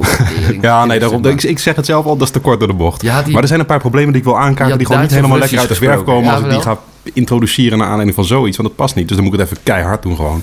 Botte bel, erin rammen. Hoe zouden we ooit nog van de Europese Unie af kunnen komen als wij dat zouden willen? Uh, hoe ontbinden we dit weer? Ja, hoe, hoe, hoe uh, ja, nou ja, met een atoombom of zo. Uh, maar dus, dat zou echt het domste kunnen zijn wat we, wat we kunnen doen. Hoor. Nou, een atoombom vind ik inderdaad een domme oplossing. Maar hoe, hoe kunnen we de Europese Samenwerking met kolen en staal werden we allemaal beter van. Een atoombom wordt niemand beter van. Dus dat lijkt nee, me... maar, maar dat is de enige manier denk ik om het uit elkaar te halen. Want het hoort bij elkaar en het werkt. Het hoort bij elkaar? Ja, wij horen bij elkaar als, als cultuur en ook als rechtsorde. Kijk, het zijn democratische rechtsstaten. Dat is, ja, je hebt de... de Orban. Hm? Je hebt Orbán. Uh, ja, nou, inderdaad. Maar Orbán die, eh, die heeft ook een hoop gezeik met Europa. En ja, daar worden ook gewoon de betalingen op een gegeven moment aan stopgezet. Ja, dat uh, hebben ze nog steeds wel, uh, wel leuk te Netto voordeel gehad, maar uh, hm? ja, ze hebben netto voordeel gehad toch, om erbij te zitten, denk ik. Ja, maar ze zouden nog veel dus meer kan, voordeel... Je kan als Europa gaan lopen dreigen, maar wij hebben al een voordeeltje gehad. Wij blijven doen wat wij willen, want wij, zijn een, wij zijn een democratie. Dat is een voordeeltje. Ze hebben wat geld gekregen om wegen te bouwen en dat soort dingen. En dat hebben ze heel corrupt en slecht allemaal uitgevoerd. Hm. Terwijl als ze het gewoon goed doen, dus ze gaan er gewoon echt voor... en ze kiezen gewoon iemand die niet zo'n enge half fascist is... dan maar eigenlijk verkoop je dus je soevereiniteit als natiestaat aan de Europese Unie... om erbij te mogen horen. Nou, een deel. Dus jouw identiteit moet je overboord over nee, flikken nee, om mee te mogen doen, nee, want er is, profiteren. Uh, Europa is wel een soort is een, is een samenwerking van democratieën, maar het is zelf geen democratische staat. Want een democratie heeft een demos, een volk. Dus mm het volk regeert. Er is geen Europees volk. Er is geen Europese publieke opinie. Dat bestaat niet. Nou, dat, ja, dat zou ik dan wel weer leggen. Er is geen pan-Europese identiteit is er niet, dat geloof ik niet. Want wij beleven niet Europa, maar we kunnen wel gewoon op macroniveau voor alle Europeanen gezamenlijk gaan kijken naar hoe we daar gemiddeld denken over. Spreek voor jezelf uh, het krijg getrokken provinciale boerenkinkeldelen bent. Wel, ja. Nou, flikker hier even geit overheen. Of dat belletje, heel goed joh. Waarom, waarom ben jij voor een exit? Nou, ik kan wel invullen waarom hij voor een exit is. Hij, hij, is, voor een, hij is voor een exit omdat hij gewoon een, een navelstaderige Hollander is. Die, wat, die, wat de boer niet kent en Hij is blind voor de rest van de wereld. Hier, hiermee doe je niet alleen maar mij, maar ook alle luisteraars die gewoon warme gevoelens hebben bij het vertrek van Nederland uit de Europese Unie. Heel erg tekort. Ja, maar dat zijn ook gewoon dat zijn echt domme Mongolen die, die in de 19e eeuw zijn blijven hangen. Ik noem een Jerry Baudet. Je, je weet dat ik nu aan sympathie en, uh, en credits. Als je gelooft dat, als je gelooft dat wij als nazistaat ja, gewoon het allemaal in ons eentje zouden kunnen rooien als Nederland, dan ben je echt helemaal debiel. dat, dat was de les van de Tweede Wereldoorlog. Was dat al die Europese grootmachten, Frankrijk, Duitsland, Engeland, dat die uiteindelijk allemaal gewoon geen fuck voorstelden in de nieuwe, in de nieuwe wereld. Waarin uh, Rusland en Amerika en mm. tegenwoordig China uh, de grote machten zijn, zeg maar. Ja, dat, ja als wij, wij, zijn dus inderdaad, onze zwakte was toen dat wij. Maar dus, eigenlijk, eigenlijk ben ik dus gewoon heel erg Engels dan. Ja, ja, je doet net inderdaad alsof je er niet bij hoort of zo. Terwijl je er een integraal onderdeel van bent. En ja, Engeland is nu uit de EU inderdaad, de mhm. Britten. Uh, maar ze zijn nog steeds onderdeel van Europa. Ja, de. Eh, als, uh, ja, of dat zijn ze nooit geweest. Het blijft een eiland. Ja, nee, maar het importeert al zijn vreten bij ons vandaan. Hm. Um, zijn hele staatsvorm en, en, en, en ja, hun status als supermacht, dat komt ook oorspronkelijk uit Nederland vandaan eigenlijk. Hè? Dat, uh, wij waren de eerste maritieme uh, wereldmacht, zeg maar. Hmm. En zij hebben ons op een gegeven moment verslagen. En toen hebben zij hun koloniale rijk gevestigd. Maar het is allemaal helemaal naar Nederlands voorbeeld geweest. Dat, Oké. Ja, wij, wij, wij, hebben de VOC opgericht. Dat was de eerste. En zij hebben de, de, de, de East India Company opgericht. Dat was gewoon precies hetzelfde, maar veel. En daarna kwamen wij weer met Philips om hetzelfde trucje weer te doen. Ja. Te jatten van anderen om zelf rijker te worden. Ja, ja. ja history rhymes, history rhymes. Waarom zijn ze eruit? Ja, dan moet je hem vragen. Ja, waarom zijn ze eruit? Nou oh. ja, ja oh, wat, wat, heel veel mensen niet weten. Kijk, Um, de media in, in eigenlijk bijna alle Europese landen, behalve België, die schrijven nauwelijks over wat er allemaal gebeurt in, in Brussel, in, eh, binnen de instituties van de EU. Mhm. En dat geldt dus ook voor Engeland. En aangezien dus eigenlijk het leeft niet. De, het leeft niet en er is heel weinig serieuze journalistiek over. En dat leidt er dus toe dat mm, gewoon een, een, paar schreeuwers kunnen gewoon het hele beeld, het hele narratief gewoon bepalen. En uh, je weet wel, Boris Johnson, hè, die heeft het dus allemaal uiteindelijk voor elkaar gebokst. Nou, Nigel Farage ook, hè? die zat in het uh, Europarlement, maar die was nee, gewoon nee, hele scherpe. Oh, oh. Ja, nee, klopt. Maar Nigel Farage, die, die borduurde voort op een beeld, op een vooroordeel wat de Britten hadden over, over Brussel. Van dat ze daar de, de kromming van de bananen reguleerden en zo. um, er was één columnist bij de Daily Telegraph, decennia lang in Brussel, die uh, heel goed gelezen werd. Weet je die man heette? Boris Johnson. Boris Johnson heeft gewoon tientallen jaren voor echt bakken geld, heeft hij columns geschreven waarin hij poep praten over Amerika. En dat ging er... Ja, Amerika? Uh, oh, sorry, over de Europese Unie. En dat ging er bij het Britse publiek via de tabloids... Dat, dat ging er echt als, uh, als gesneden koek in. Oh. Zeg maar, want dat wilden ze horen. Want ze willen denken dat zij beter zijn. En, dat, en een beetje populistisch, goed populistisch, toch? Ja. Ik kom ook wel een 50-plus partij uit. Dus ja, maar weet is, waar ik sta. Maar, maar, het is echt een totaal ridicuul beeld... waarin ze totaal niet naar de voorde, voordelen keken. En het is natuurlijk altijd al een beetje... ja, moeilijke verhouding gehad met de Europese Unie. Want ze, voordat ze er uiteindelijk in kwamen... in 1973 zijn ze eerst twee keer afgewezen door Frankrijk. Onder, mhm. onder Charles de Gaulle. Want Charles de Gaulle die, die, ja, die, wil, die had met de Duitsers gewoon een hele goede, heel goed bondgenootschap opgezet. En hij wou die Engelsen, nee, dat, dat zou zeg maar de machtsbalans uh, in zijn nadeel uit doen slaan. Dat, uh, ja, dus die heeft dat... Vul die eens in voor Nederland? Hoe de machtsbalans nu voor ons landje is uitgevallen in de Europese Unie? Nou, de machtsbalans is, is als wij er niet in zouden zitten... dan zijn we echt een totaal onbetekenend kutland, zeg maar. Dan, dan stellen we echt helemaal niks voor. Maar binnen de Europese Unie doen we er enorm toe of zo? Uh, binnen de Europese Unie? Nou, omdat wij... Kijk, en dat geldt eigenlijk ook voor Frankrijk en voor Duitsland. Uh, als, als onderdeel van de Europese Unie zijn zij deel van een enorm economisch blok. Wat, wat echt heel veel... Ja, maar wacht even. Een economisch blok, samenwerkingsverbanden, handelsverdragen... Ja, maar over niet. Economisch... parlementen op dat niveau voor op te richten, toch? Nou, zeker, zeker wel. Maar een economisch blok is... Waarom zeker wel? Nee, maar een economisch blok, dat, de kracht van je economie, dat is waar het om gaat. En kijk, als jij een krachtige economie hebt, dan kun je gewoon uh, je wil opleggen aan de rest van de wereld, zeg maar. En dat als wij 28 verschillende kutlijntjes zijn, dan sluit de een sluit een verdragje met China, de andere die krijgt een Russische handelsmissie op bezoek. Ja, weer een, derde, weer een derde is goede vriendjes met de Amerikanen. En Jaloers? Dan moet je zelf wat regelen. Nou, nee, maar, of moeten we gezamenlijk op dat thema de handen ineen staan om samen wat te regelen als het efficiënter is? Inderdaad, moeten we gewoon onze, onze economische kracht en ook onze ja, onze culturele rijkdom. Hè? Want ja, het is, het is eenheid in verscheidenheid wat wij hebben in Europa. Kijk, Amerika is gewoon een monocultuur. En alles is plat en grauw en, en, en lelijk. Uh, en Europa, ja, alle sexy dingen komen uit Europa. Mooie auto's komen uit Europa. Uh, mooi mode komt uit Europa. Uh, ja, alles wat echt mooi en, en van waarde is, uh, dat komt allemaal uit Europa. Ik sta even naar mijn navel als ik deze dingen hoor. Ja, want, ik heb geen idee waar het over gaat. Nou, mooi. Ja, esthetiek. Ja, ik weet dat het niet zo je ding is inderdaad. Maar... Kijk, mijn achtertuin. Uh, ja, ja, ja, nou ja, dit, dit komt ook uit Europa. Ja, dit komt zeker uit Europa. Bassie en Adriaan komen ook in Europa. Die kwamen ook in Europa, inderdaad. Ja, die hebben ons toen een beetje ja, warm willen maken. Hè? Want we, ja, ik had het dus eerder over. Je had eerst de Europese gemeenschap voor kolen en staal. Hm. Toen kwam uh, vervolgens in 1958 het verdrag van Rome. Dat werd de Europese Economische Gemeenschap. Dat ging dus over vrijhandel. En ja, toen nog niet over vrij reizen. Dat kwam later. Uh, vervolgens heb je het verdrag van Maastricht gehad. In 1990 was het? Nee, later, 98, sorry. Uh, ja. Ik dacht begin jaren 90, maar dat ben ik niet meer zeker. Nee, nee, nee. Ja, ik weet even niet helemaal zeker meer. Maar uh, ja, zo heb je allemaal van, die, van die momenten gehad, zeg maar. En, en wat we nu... Ja, je noemt er even eentje, want alle goede dingen komen uit Europa. Hè? Nou, Afspraken die we... Mm, nou, kijk, de Europese Economische Gemeenschap, dat hoor je ook Thierry Baudet en Wilders wel eens zeggen van... Ja, nee, toen was het wel goed. Maar toen het de EU werd, dus inderdaad met het verdrag van Maastricht. Mhm. Toen is alles fout gegaan. Want toen wilden we te veel. Toen wilden we de euro. En ja, daar hebben ze ook wel een punt. Want die euro is een, one size fits none eigenlijk. Oh, we komen ergens. We komen ja. ergens. Ja, dat klopt. Want ik zeg niet dat de Europese Unie alleen maar halleluja is. Bepaald niet. Maar het is, dit, dit, dit doormodderen met elkaar. Eh, dit is een heel goed alternatief voor wat we in de eeuwen daarvoor hebben gedaan. Elkaar kapot maken totdat we gewoon een, eh, een hele willoze prooi voor, voor de grootmacht om ons heen waren. Mhm. We hebben onszelf meerdere keren in de as gelegd en, en de rest van de wereld moest ons komen redden. Wat vind jij van de VAR? Dat is misschien een beetje een rare, rare vraag zo in één keer. De? Hier is niet in geknipt, hè? dat doet eh, Pino later wel. Wat- maar deze, wat- deze overgang was niet Wa- geknipt. Wat is oh, de ik weet VAR? helemaal niet, schet, wa- zegt wa- hij. Welke VAR? Dat horen we wel. De VAR. De VAR? Video Arbitrage. VAR? Dat is- Waar is staat die voetbal toch? Wat vind ik daarvoor? Dat vind Nou, daarom vond ik het wel een moeilijke vraag. Ik denk, kan jij er wat mee? Maar ik wil deze toch even als vergelijking erin gooien. Wat vind jij van de VAR? Je had vroeger gewoon een scheidsrechter op het veld. Hè, en die bepaalde. Die zag niet alles. Sommige dingen ja, zag hij niet. Sommige Ja. dingen zag hij Ja. door de vingers. Sommige dingen zag hij wel. Het is of sommige onnodig dingen deed hij ook wat mee. Ja, Video assistant referee. Kijk, dat ma- makes more sense. Maar, Thank you. ja, ik, snap niet waar je mee dit. heen wil. Wat, eh, wat heeft de VAR ermee te maken? Eh, Nou, wij hebben in Nederland een democratie.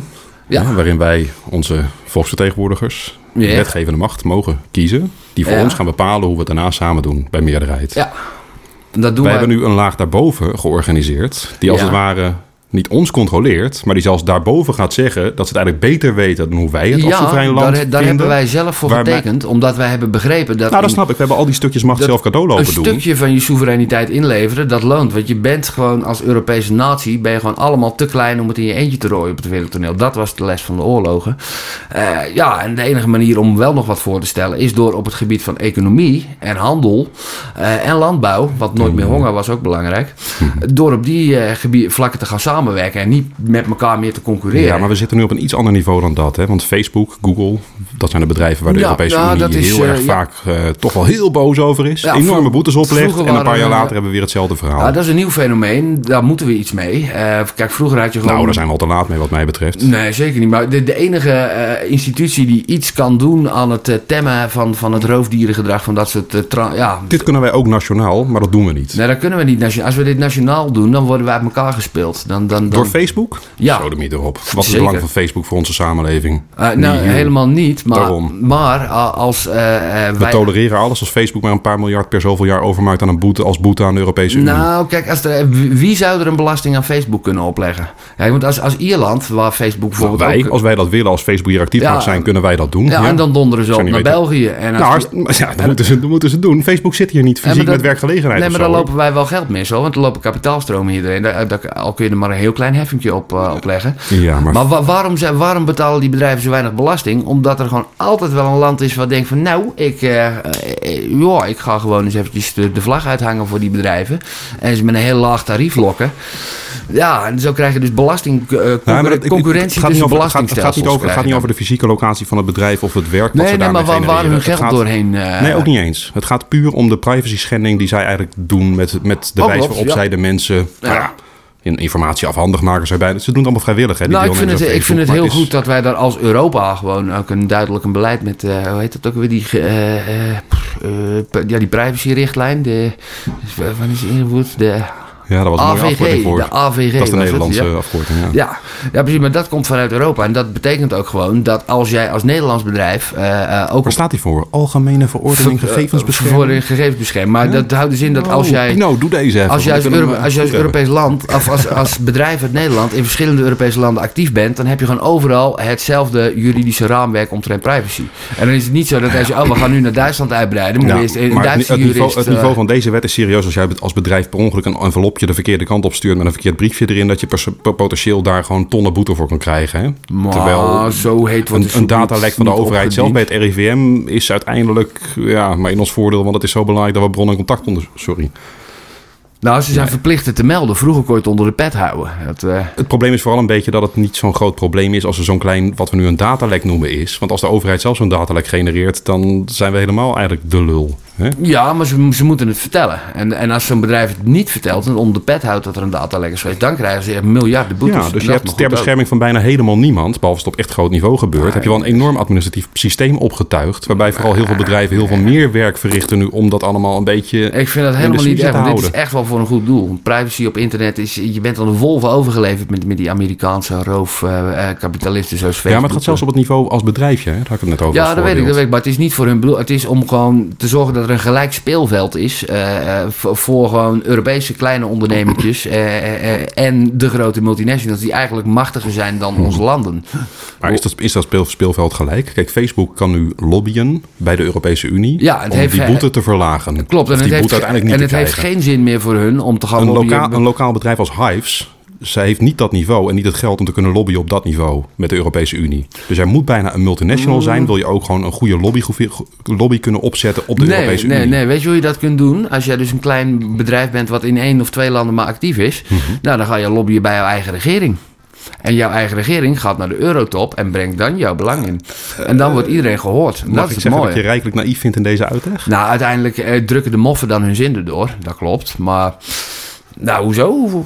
Nou, Facebook krijgt gewoon op dat niveau veel meer voor elkaar dan een, wat Hives ooit was, zou kunnen. Ja, nee, ja Omdat die machtsverhoudingen zo zijn. Nou over die er zijn twee grootmachten, het groot kapitaal mhm. Facebook en de grootmacht Europese Unie, die eigenlijk gewoon heel erg veel belang hebben bij het instand houden van elkaar. Nee. Omdat we daarmee gewoon een deel van de Europese Unie financieren. Nou, nee, nee, dat is echt... Dat... Dus Facebook moet helemaal niet kapot. Want die kunnen we lekker beboeten nee, af en toe voor fouten die ze maken. Nee, wat ze, wat ze af en toe aan En de Europese Unie kan lekker belobbyd worden door Facebook... om die boetes weer een beetje naar beneden te krijgen. Zo zijn er twee grote partijen, twee grootmachten die boven Je trekt dingen compleet uit hun verband. Dat is echt bullshit. Wat, wat, wat, er aan boetes betaald wordt, dat stelt in de, in, in, de begroting relatief Helemaal geen ene fuck voor. Nee, maar ze, kopen hun fouten af. Er gebeurt niks fundamenteels, want ze hoeven zich niet aan de nou. regels te houden... tot er nieuwe komen. Nou, eh, eerst hielden ze zich helemaal nergens aan de regels. En toen, nu hebben we dus regels opgesteld.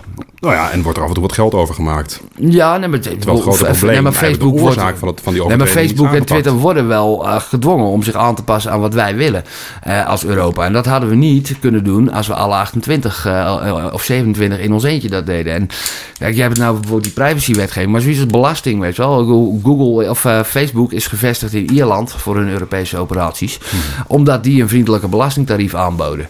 Ja, nou dat is dus een stukje waar Europa nog niet harmoniseert, zeg maar. Er is heel veel concurrentie op belastingstelsels. Er is een interne markt zeg maar, voor de belastingtarieven. Uh, ja, nou ja, daar is, daar is, ja, er is concurrentie op, op belastingregimes inderdaad. En Nederland is een belastingparadijs en dat is heel onsolidair van ons. Nou nee, we hebben een, er is een motie aangenomen in de Tweede Kamer. Dat we dat niet zijn. Precies. Ah, dus Nederland is geen belastingparadijs, omdat we hebben afgesproken dat we dat niet zijn. Nou ja, dat is ook... Volgens elke definitie zijn we belastingparadijs. Nou, hetzelfde met die allochtone, autochtone discussie. We zijn zelfs... Volgens elke definitie ben jij een allochtoon, want er is maar één definitie van wat een allochtoon is. Maar ja, we hebben afgesproken dat we dat niet meer zo noemen. Ja, ja maar dat is dus... Ja, dat, dat, dat levert bent dus... nu een persoon met een migratieachtergrond. en misschien wel een met een baarmoeder. Ja, maar dat levert, levert hele scheve gezichten op. Uh, die, jezus, ja. Identiteit komt ook nog een keertje voorbij. Ja, komt ook nog een keertje. Sorry voor deze. Nee, maar... Kijk, het, uh, wat, ja, wat is jouw probleem met de euro? Nou ja, daar hebben we het net al een beetje over gehad. Hè? Maar uh, wat is jouw probleem ermee? Ja, nou, de euro fundamenteel zou ik bijna van zeggen, uh, het is stront, stront voor stront. Hè? We hebben een gulden gehad die eigenlijk ook niet zo heel veel beter was. Nou, die was te hard en, en te duur. Hard, dat deden wij zelf hoor. Mm, nou, nee, maar dat, dat komt omdat wij een handelsoverschot hebben. Landen met een handelsoverschot, dus de Duitse markt. Er zijn anderen die vraag hebben naar jouw geld om jouw spullen te kunnen kopen. maar doordat, doordat eh, die Zuid-Europeanen dus de, de, de euro verzwakken, zeg maar, kunnen zij beter Duitse spullen betalen. Dat is het idee. Dat was, vroeger was dat lastiger. Toen moesten ze hun munt devalueren iedere keer. Mhm. Om maar en werd relatief die auto alleen maar duurder eigenlijk. Uh, ja, en, en, en, en, op die manier werd ook in getallen gemeten. In getallen gemeten iedereen, die, iedereen die wat gespaard had in Italië, sparen loonde nooit. Want je had inflatie daar enorm. Iedere keer weer een devaluatie. dat, mhm. dat, is nu gestopt. Maar dat, zal het gedrag van die mensen ook wel beïnvloed hebben. Die hebben dus waarschijnlijk minder gespaard en meer op een andere manier hun vermogen beschermd dan. Uh, nee, niet waar. Nee, nee, nee, nee, nee, lira's op een spaarrekening? Lira's? Nou, nee, nee, niet, niet op een spaarrekening. Maar in Italië is het gewoon normaal dat mensen uh, hun huis gewoon uh, in bezit hebben. Gewoon, gewoon afbetaald. Ja, ja. ja, dat, dat erfje of zo, een huis. En het is uh, ja, dat, dat iedereen maar gewoon tot zijn nek gefinancierd zit met zijn huis. Dat is een Noord-Europees fenomeen. Maar gewoon qua kapitaal, zeg maar, wat, het kapitaal wat huishoudens hebben, dan doen ze het in Italië fucking goed. Dat is een hele arme staat met grote problemen. Maar die huishoudens die hebben gewoon ja, vet op de botten, zeg maar. Het, uh... Maar er kan een heel groot cultureel verschil waarbij we dus niet samen één zijn. Hè? Zoals we de Europese identiteit bespraken. Nou, cultureel verschil, dit is, ja, dat, dat is dus wat, wat mensen ervan nou, hebben willen maken. Met, van, met, het monetaire systeem omgaat. In de wijze waarop jij je land nou, op, op, omgingen. Op maar privé-niveau. Dat, maar dat is geen keuze. Hè? Dat is gewoon, dat wordt gedicteerd door de economische realiteit. Als jij een handelstekort hebt, en dat hebben al die landen daarvan oudsher. Mm En ja, Duitsland en Nederland. En je wil wel spullen die gratis zijn. Nou, ja, dan moet je, nou, je, wil dan moet je geld verzinnen. En je wil iets kunnen kopen, want het wordt in jouw land niet gemaakt. Zeg maar, of, of niet, niet goed geproduceerd. Ja, dan moet en jij produceert dus niet voldoende om die ruil, die transactie een beetje op een nette manier voor jou... Nee, dat is het probleem met die Zuid-Europese landen. Die hebben gewoon een, een, structureel handelstekort. En Duitsland wil uh, niets doen om, om van zijn structurele handelsoverschot af te komen. Dat, uh, ja, dat is de maar zou, zou je niet eigenlijk gewoon verwachten dat uiteindelijk de markt daar zeg maar, het tij wel keert? Of de wal het schip wel keert? Uh, nou ja, dat, nee, dat de euro... zou een keer vastlopen in dat spelletje. En dan moeten ze iets anders verzinnen, want dit werkt dus niet. Nou, jullie kunnen die spullen niet kopen, want jullie produceren nou, relatief gezien de te weinig. De Italianen lopen daar niet vast. En het wordt, het wordt een keer onbetaalbaar voor, de, voor, voor Duitsland en Nederland. Inderdaad, landen met handelsoverschot. Maar het had misschien alleen maar onbetaalbaar voor Italië moeten worden, toch? Dan, die eh, producten. Uh, ja, ja, en dan hadden ze dus inderdaad... Hun... Wij financieren nu onze eigen Ja, terwijl ze anders hadden ze gewoon gedevalueerd. Was de economie door het putje gegaan. Hadden ze moeten hervormen. Dan moesten ze hervormen, anders is er niks tevreden meer. En dan had als het ware de markt dat afgedwongen. Omdat dat geld gewoon niet meer gelikt werd. En nu hebben we dat als het ware overroeld door een soort van verzachtingsmechanisme, een herverdeelsysteem op Europees niveau bovenop. Inderdaad. Ja, en de Nederlander ook. Ja, zeker, ja. ja. Voor het nog steeds niet kloppende begrotingsbeleid in de zuidelijke landen. Ja. En wat staat er in het verdrag van Maastricht? Wat was daar de afspraak? Een hele harde, waar meneer Zalm ook zo achter stond. Want dan kon de echt euro... 3% begrotingstekort, maximaal 60% staatsschuld van het BBP, maximaal. Welke landen hebben dat als eerste overtreden? Waren dat de Grieken en de Portugezen en de nou, Spanjaarden? Frankrijk, dacht ik, of zo. Dat waren Duitsland en Frankrijk. Op het moment dat het helemaal niet nodig was. Gewoon omdat ze eh, ja, verkiezingsjaren hadden en even wat, baan, even, even wat kiezen. Nou, en inmiddels voldoet niemand er meer aan, volgens mij. Nee, maar begrotingstekort al, al lang niet meer. Maar, dat, maar dat is met heel veel van die dingen. Dan spreken we iets af. En degene waarvan het het belangrijkste is dat hij zich eraan houdt. Zeg maar, de Waarom het belangrijkste is? Nou, omdat dat de sterkste economie eh, van Europa is. Oké, ze gaan van het foute voorbeeld. En die, nou, je bent de grootste, dus dan heb je het goede voorbeeld te geven. Dat, en de eh, rest mag er wel een loopje meenemen. Want ja, sorry, nou, nee, Griekenland nee, is klein, dus die kan wel net nou, eventjes talent. Het was voor hun wat moeilijker, maar het is zeg maar, als, je, ja, als jij bij onze uh, muntunie wil horen, dan zul je op onze manier begrotingsbeleid moeten voeren. Maar, nou nee, dan moet je je handtekening zetten onder deze afspraak en daarna zien we wel verder. Nou, maar het heeft een poos lang wel gewerkt. Hè? Het was eigenlijk pas nadat Duitsland en Frankrijk dus het overtreden, dat de rest ja, nou scheid er dan gratis bier voor iedereen die op mij stemt. Dat, uh, ja, ja het, het hek was van de feest was dat het hek, het hek was van de dam uh, op, dat moment. En dat, dat zie je met meer dingen in Europa. Ook met, met, met die vluchtelingen. Nee, maar er waren toen de tijd ook al landen die er überhaupt niet aan voldeden. Weet je, dus dan kan je een overtreding van ja, een van de regels van Frankrijk of Duitsland. Nou, Griekenland. Griekenland heeft Italië, zich, Griekenland heeft zich er, Italië voldeed er net aan. Italië is ook een heel gespleten land. In Noord-Italië, dat is net Duitsland. Gewoon hmm. rijk en industrieel. Zuid-Italië, dat is Noord-Afrika meer. Dat is, ja, lijkt me Albanië, zeg maar. Daar heeft de Europese Unie ook weinig te zeggen, denk ik. nee, nee, nou, daar gaat wel geld heen. Maar dat, verwerking en zo zullen er ook wel zijn op dat niveau. maar die nou, doen er soms niet toe hoor. Dat is net waar je woont in Europees geld corrupt herverdelen is inderdaad uh, bijzonder het enige wat ze daar En dan komt het efficiënter terecht bij mensen die het gaan besteden... dan dat er daar geluidswallen zullen worden geparkeerd naast de weg waar niemand woont. Het zou nog een stuk uh, efficiënter allemaal zijn... als het niet zo'n corrupte, armoedige tyfusbende was daar. En dat ze gewoon, ja... Nou, we zouden daar bijvoorbeeld wegen kunnen aanleggen, toch? Ah, dat is wel gebeurd, dat is wel. Oké. Ja, en het is allemaal wegen en zo. Alleen, ja... Daar uh, wordt niet echt veel... Heel veel geitenpaardjes, want ik ben er nooit geweest. Nee, dus, maar er liggen dus... Kijk, er liggen, in de armste regio's van Europa liggen prachtige snelwegen. Van niks naar nergens, waar geen handel overheen gaat. Oké, dus toch gefinancierd door de Europese Unie ja, ja, zeker. Ja, want alle, alle snelwegen in, in, in, in Zuid-Europa uh, en, en fatsoenlijke spoorverbindingen... zijn allemaal met Europees geld aangelegd. En niet mm. cofinanciering, maar gewoon vrijwel volledig. Maar op een manier, ja, ja, dan ligt het er inderdaad. Maar dan heb je nog niet ineens dit, dat er uh, ook, ook handelstromen overheen gaan. Of dat er economische ontwikkeling op gang komt. Dat vereist soms nog wel iets meer. Ja, het, uh, ja infrastructuur ja, is een voorwaarde. Het, beste voor Nederland was een oorlog eigenlijk toch, hè? Ja, ja de snelwegen. En, en voor Europa ook inderdaad. Ja, Europa moest eerst in puin voordat we uh, ja, het welvaartswonder wat we nu kennen uh, konden meemaken. Ja? Uh, voor de jonge luisteraars, weet je nog dat je gratis euro's kreeg? En wat heb je daar toen van gekocht? ja, Voor de jonge luisteraars. Ja, ik weet nou. het ook nog wel hoor. Ja. ja vertel. Uh, ik weet niet wat ik ervan gekocht heb, maar je kreeg dan zo'n zo'n zo'n pakketje met alle munten, toch? Ja. Nou, die moest je ophalen bij het postkantoor zelfs, hè? ja, post, ja, postkantoren gewoon. Ja, ja, staatsposterij. Ja. ja. dat zijn ook van die dingen, van die nationale... Ah, die was al geprivatiseerd hoor, dat wel. Uh, ja, toen TPG Post of zo. Ja, maar waarom, waarom moest dat? Waarom moest dat geprivatiseerd worden? Van Europa? Van Europa, van Bolkestein. Juist ja, hem, Nou, daar ging het mis. Want die zooi, natuurlijke monopolies worden in staatshanden. En daar hoort de bevolking de vruchten te plukken van de meerwaarde die daar wordt gecreëerd. Kijk, de, de, de, posterijen, dat hoort in staatshanden. Is er natuurlijk, daar ben ik mee eens. Is natuurlijk monopolie. Openbaar vervoer. Maar, internet, telefonie. Nee, de telecomsector is een, is een fantastisch voorbeeld van succesvolle privatisering. Nou, de netwerken zoals nu helemaal niet. Nee. Echt wel. We hebben, nou, maar dit, wordt een andere, dit wordt een andere podcast. Dan gaan we nog een nee, los. Nee, nee, nee. nee, nee, nee omdat jij, ik heb hier zwakke plek. ja, het, het werkt nou, Bolkestein is toch... Uh, Oké, okay, hij had een idee. Ja, nou, Bolkestein was een beetje een, uh, een beetje radicaal, inderdaad. En, en, een beetje wordt even een checkie gedraaid. Uh, een beetje een extremist, zeg maar. Kijk, want ja, vrij verkeer van personen, diensten en goederen en zo is leuk.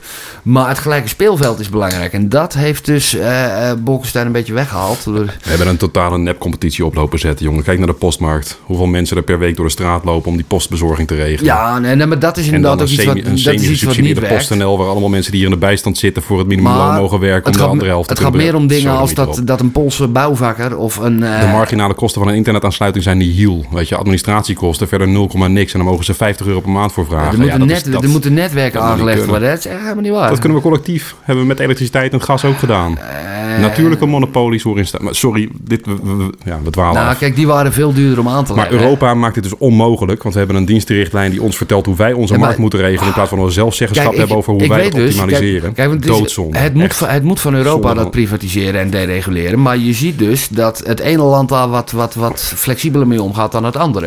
Ik, hmm. ik weet nog wel, toen ik dus in België zat voor mijn stage daar eh, dat ik daar een mobiele telefoon ook eh, moest hebben. En ik zie dat ook in Duitsland. Daar betaal je prijzen. Dat gaat echt helemaal nergens meer. Wordt gewoon helemaal uitgeknepen. Waarom? Omdat er geen vrije competitie is. Je hebt gewoon één hele... Je Belgacom, het, uh, dat is de grote staatsoperator. Hm. Ja, en verder heb je Vodafone, die probeert wat. Maar ja, die hebben geen eigen netwerk. Die moeten gewoon ja, moeten nou, toegang krijgen. Hier gaan we echt een losse uitzending over maken, want een losse aflevering. Want ik, ik heb hier te veel over te vertellen om het nu bij de Europese Unie erbij te proppen. Want ik wil nog even een andere invalshoek pakken namelijk. Mm. Een volgende. Vertel. Ken jij de Stichting tegen Zinloos Geweld nog? Uh, ja. Ja, ik vind dat stuk fucking... Meindert ja, was dat volgens mij in Groningen. Die, uh, ja, die Lieve Heersbeestje. Wel, maar als je een ding ziet ergens op straat, weet je, daar is iemand kapot getrapt. Nee, dat is niet waar. Dat is niet waar? Nee. Oh, ik dacht dat dat... Tenminste, dat mag ik niet hopen, want ze liggen bij ons op het station en weet ik het waar allemaal. Ja, dat, dat zijn plekken waar mensen kapot getrapt worden, toch? Oké, oh, ja, snap ik wel. Oké, dan heb ik daar een iets ander beeld bij. Ja, je, met openbaar vervoerreis moet ik houden, hoor. Maar weet je dat die stichting nog steeds bestaat? Zou kunnen. Nou, dat is gewoon waar. Dat is gewoon waar. Het punt is dat zinloos geweld geen thema meer is in de media. Nee. dus de stichting tegen zinloos geweld is ook een beetje zijn niche kwijt om als ja, stichting, als organisatie. Dus hij leidt een slapend bestaan Nee, hij is omgedoopt enkele jaren terug naar de stichting Moed. M-O-E-D. Met als slogan, subslogan, verbeter je eigen leefomgeving ja. En dan hadden ze daarna in die reclame ook een paar woorden met moed erachteraan, waaronder doneren moet. Ja, ja, ja. ja, ja nou, en wat ik hiermee wil, wil, wil vertellen is dat een organisatie eigenlijk als die eenmaal opgericht is, bijna als een organisch wezen bestaat en wil overleven. De wet van het institutioneel lijfsbehoud. Nou, is dat, is misschien de term die er perfect op als je, past. Als je een institutie schept, dan gaat hij uh, een doel voor zichzelf zoeken. Of, of, dat nou zinnig is of niet, inderdaad. Dat klopt. Dat hoort het astmafonds. Ja, nou, nou, astma is niet zo'n probleem meer. Je hebt pufjes en het is in ieder geval geen groot thema meer. Ja, we, we, we hadden ooit oorlog, ja, en nu hebben we de EU. We hadden ooit een continent wat in de aas lag en nu hebben we florerende markteconomie. Nou, ja, je komt hier perfect waar ik wil uitkomen ook. Ah, want ik heb dus net de stichting Moed, hè, die eigenlijk over zijn hoogtepunt heen was en geen doel mm. meer had. Dat longfonds is nu het oude astmafonds.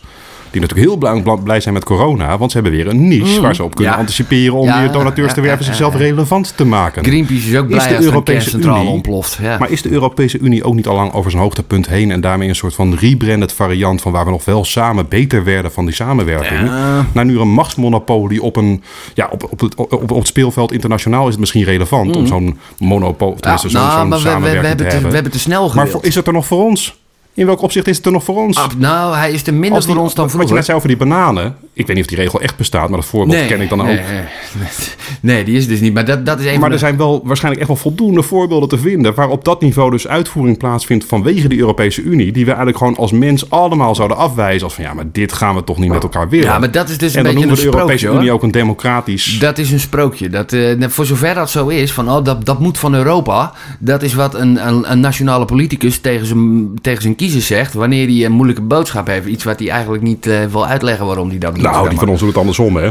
Dat, dat moet van Europa. En het is altijd, ja, en als het, dan, als het dan goed loopt, dan is het dat heb ik in Europa voor jullie bevochten. Mm -hmm. Als het uh, verkeerd Hoe vaak uit, hebben we die gehoord? Als het verkeerd uitpakt, dan is Dat- het, ja, dat- dat, dat dat, is de schuld van Europa, Ja, inderdaad. En ja. wij zijn in Nederland, terwijl wij er enorm van geprofiteerd hebben, al die jaren, zijn we nu alleen maar in dat frame van het is allemaal de schuld van Europa. En er wordt ons wat aangedaan of zo. Terwijl we hebben het zelf opgericht. We waren even de founding fathers met een hele, hele, hele, hele goede reden. Maar, ja, maar dat zag er wel even heel anders uit dan wat we nu hebben gekregen. ja, dat klopt wel. Maar dat, was echt even dat wat is, dat is wat ik zeg. De EU heeft zich uiteindelijk eh, een beetje te... Ja, is over zijn hoogtepunt Ex- ex- heen. nou, en is eigenlijk nu misschien een soort van nee, ja, ja. machtsgezwel aan het worden. We hebben ons een beetje... wat eh, inefficiënt opereert. we hebben ons een beetje Ik verslikt heb het nog niet eens gehad eh, over die, die wereldreis die ze maken tussen Brussel Ja. en... eh, waar gaan ze ook alweer naartoe dan met dat hele circus? Ja, ja, naar Straatsburg, Straatsburg. hè? Ja, Ja. ja. mocht, ik- mocht ik ook mee inderdaad. Het was heel gezellig, ja. Oh, vertel daar nog even wat over. Ja, nou, dat dan ga was ik even echt- pissen nou. Ja, dat was echt totaal zinloos. Dat was, ehm, ja, eh, eh, nou ja, er was dus rond kerst hadden ze dan een Straatsburgweek. En toen mochten wij dus ook als, eh, ze zitten dan geloof ik twee weken in Straatsburg, zijn vooral stemmingen. En dan mocht dus al het personeel mocht ook mee, terwijl dat helemaal niet nodig is. Ik was stagiair, ik had er helemaal niks te doen. Ik kon beter gewoon in Brussel op kantoor wat nuttigs blijven doen. Maar ik mocht ook mee. Ik kreeg vergoedingen, mijn hele reiskosten, alles werd vergoed. En ja, omdat het dus rond kerst was, hebben, hadden ze daar dus ook de eh, nieuwjaarsreceptie van de Europese Liberalen. Van de ALDE-fractie heette dat toen nog. Dus alle, alle liberale partijen van Europa tezamen.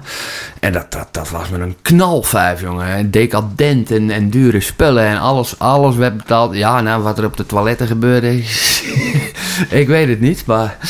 Ik hoorde wel, eh, ja, rare geluiden, zeg maar. Het eh, maar het was wel heel gezellig, hoor. Het, wat dat betreft denk ik dat, eh, dat je, als je gewoon leuke, leuke feestjes wil... dan moet je bij liberale partijen zijn. Dat, eh, ja, ja Christen-Democraten is wel een beetje, beetje anders of zo, hè. Dat is niet zo uitbundig. Daar zijn ze homofoob. zo. Als mensen dan, een beetje uitbundig dansen en zo, dan wordt er raar gekeken naar je. Ja, dat heb je bij de liberalen niet. Nee.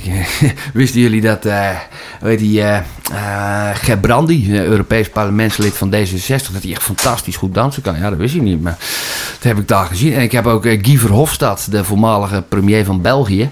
Ja, die heb ik daar, ja, die, die was zeg maar de voorzitter daar. Die was de voorzitter van onze fractie in het Europees parlement. Dus die, die leidde daar de hele ceremonie op dat feest. En die was lam, jongen. Ik, ik heb hem eens aan het eind van de avond, ik stond buiten de paf. En ik, ik, ik zie daar dus gewoon een voormalig premier en Europese houten zie ik gewoon strompelend het gebouw verlaten. Eh, taxi! En daar ging die de, de, de Brusselse nacht in. Ik Met, eigenlijk vragen... Sorry, ik ben terug. Heb je een handtekening gevraagd? Nee, nee, nee. nee Guy Verhofstadt heb ik nooit echt zo gemogen. En zo, ja, dan moet, je, dan moet je dichtbij hem komen, moet je naar die bek van hem kijken. Dat is, nee, nee, nee. Ik heb, ja, ik, ik weet wel dat ik een beetje starstruck was de eerste keer dat ik eh, eh, bij eh, Hans van Balen, dat was toen de delegatieleider namens de VVD in het Europees Parlement, dat ik daar ineens op kantoor zat. En tegen hem over zat en in een vergadering. Wauw, dat vond ik wel... Imponerend. Ja, ja, het is ook gewoon een imponerende verschijning. Dat, dat dikke, volgevreten zwijn. Ja. Als je hem dan zo ziet, dan kun je. Ik, heb, ik had dan meneer burgemeester Bruls nu voor, eh, voor ogen. Nou, ja, onredelijk? Ja, ja maar Bruls die, die, die kijkt eh, gewoon, gewoon een beetje, beetje dom of zo. En een beetje verongelijkt. Ja, hij bijna denkt sympathiek. Ja, Hans van Balen, ja, eh. Hans van Balen die kijkt meer van... eh, ja, ik, ja ik, ik eet me helemaal dik op jullie kosten. What you can do about it. Ja, nou, maar- dat is het probleem ook. Dat is mijn probleem dus ook een beetje. Eigenlijk heel erg weinig. ja, ja, Want hoe, hoe, hoe gaan wij eruit? Er zijn een paar partijen die voor een exit zijn, maar dat gaat geen meerderheid krijgen, want het overgrote deel gelooft Nee, dat natuurlijk niet. De overgrote deel is wel goed bij zijn hoofd, gelukkig. Want dit land heeft het heel lang was er vroeger ook wat kritiek, hè? Wel Europese samenwerking, geen superstaat. En waar zijn we in beland? We hebben een Europese superstaat gecreëerd. We hebben helemaal Met geen meer Europese macht dan ons lief is. Dat is echt helemaal niet waar. Er zijn zoveel terreinen waar Europa niet over gaat. Weet je? Ze doen alsof ze over Ja, dat, wacht even. Je gaat nu zeg maar hetgeen wat ik zeg maar als normaal natuurlijke situatie vind... dat wij als vrij land met een identiteit als Nederland ook zelf wat kunnen kiezen. En dan wij, ga jij zeggen dat het probleem is dat we ja, wij kunnen heel niet op alle vlakken op Europees nee, niveau nee, nee, nee, helemaal niet. Nee, want wij zijn Amerika niet. Wij moeten op... Uh, kijk, in Amerika hebben de staten ook wel uh, zelf wat bevoegdheden. Mm -hmm. Maar het is één land met één leger, één vlag, één volkslied, zeg maar. En dat... Nou, er gaan ook stemmen op voor een Europe Europees leger. Ja, maar dat... Ja, Europese begroting. Er gaan ook stemmen op. Jezus, je hebt echt een historisch besef van, van een zak pinda's, hè, merk ik. Nou, dat is wel waar. Ja. De Europese defensiegemeenschap, dat idee, dat werd door de Fransen al sinds de jaren 50 voorgesteld. Dan gaan wij samen met de MOF en houden wij samen de Russen er wel buiten. Want waarom? Omdat ze bang waren voor Amerika en zijn culturele coca-kolonisering, zoals men dat in Frankrijk noemde in die tijd. Ja, maar je kan natuurlijk gewoon afspreken dat je een deel van je... Bij de NAVO is dat toch ook zo? Dat een deel van jouw leger als het ware beschikbaar wordt gesteld... op het moment dat er een, een vraag Ja, maar het, het, zou een beetje, het is een beetje dubbel werk. Dat we kan op Europees niveau ook. Een Europees leger is echt even wat anders dan internationale samenwerking. Nee, we hebben de NAVO. Daar hebben we de NAVO voor. En het is belangrijk, we zouden als Europa... Die was ook al tegen Rusland, toch? Uh, ja, nee, niet alleen tegen Rusland, maar gewoon voor het behoud en de verdediging van de, van de vrije westerse wereld. Van, van democratische rechtsstaten en ons kapitalistische model. Hmm. Dat, ja, wat er nog van over is nu. Ja, nou, maar er is, er is een hele hoop over van, uh, van, van ons economisch model. Het, uh, het feit dat we vangnetten hebben, ja, ja, ja. Europa verder federaliseren? Ja, nee, nee, natuurlijk niet. We zijn, daar, daar, daar kwam ik net. We zijn Amerika niet, weet je. Dat, dat, dat is een melting pot. Dat kun je gewoon roeren en dan wordt het één brei.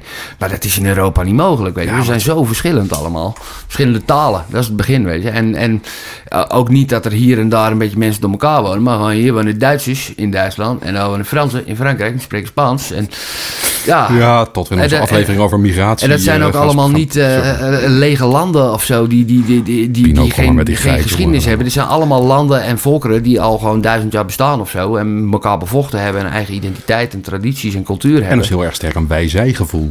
Ja, uh, nou, en, die, en, die flikkeren we nu in een Europees projectje nee, bij elkaar. Dat, wij wat, wat eerst gebaseerd is dat... op samenwerking, waar we samen beter van werden. Waarbij mensen misschien nog dat steeds, gevoel hadden. Nog steeds.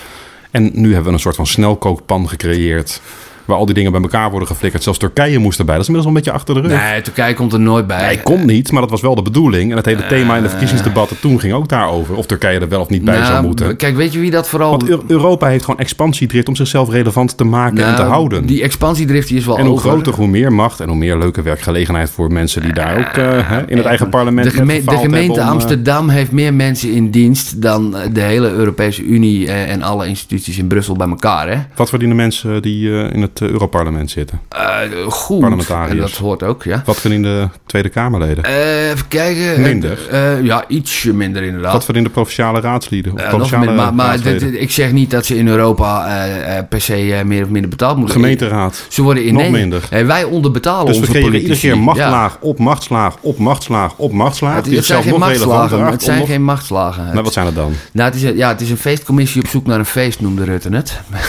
de Europese noemde Commissie. Rutte het? Ja, die, ja, want de Europese Commissie... Ze moeten zichzelf relevant maken. Ja, nee, maar die, dat is wat je zegt nu. Ze zijn al heel lang relevant op een aantal thema's. Op buitenlandse handel en op landbouwpolitiek. En daar, uh, ja, daar hebben landen gewoon geen nationale bevoegdheid meer. Punt. En dat is goed zo. Ja, dat is, dat is gewoon belangrijk. Maar daarmee is dus geen samenwerking meer internationaal. Maar hebben we gewoon een macht boven Supranationaal, ja, klopt. Ja, maar die macht hebben wij uit handen gegeven. Want ja. wij, wij, wij beïnvloeden dat niet meer direct. Niet meer, gewoon nou, niet. Nou, nou, nou, indirect. Ik bedoel, wij, Heel indirect. Via ja, onze premier. Ja, ja precies. Via ja, de, via de premier, premier. Via de Europese via Raad. de Europese Commissie, waar ik ook geen flikker over te nou, zeggen Nou, die Europese Commissie die wordt samengesteld Nee, ik mag één poppetje kiezen van... in het grote parlement. Maar ook alleen maar iemand die ik dan uit mijn eigen land mag kiezen. waarbij mensen die in Hongarije wonen... hele andere mensen uit hun land mogen Mhm. kiezen. En ik mag niet op die Hongaar stemmen of Nee, andersom. klopt. Nou, dat is trouwens transnationale kieslijsten. Daar ben ik trouwens ook wel voor.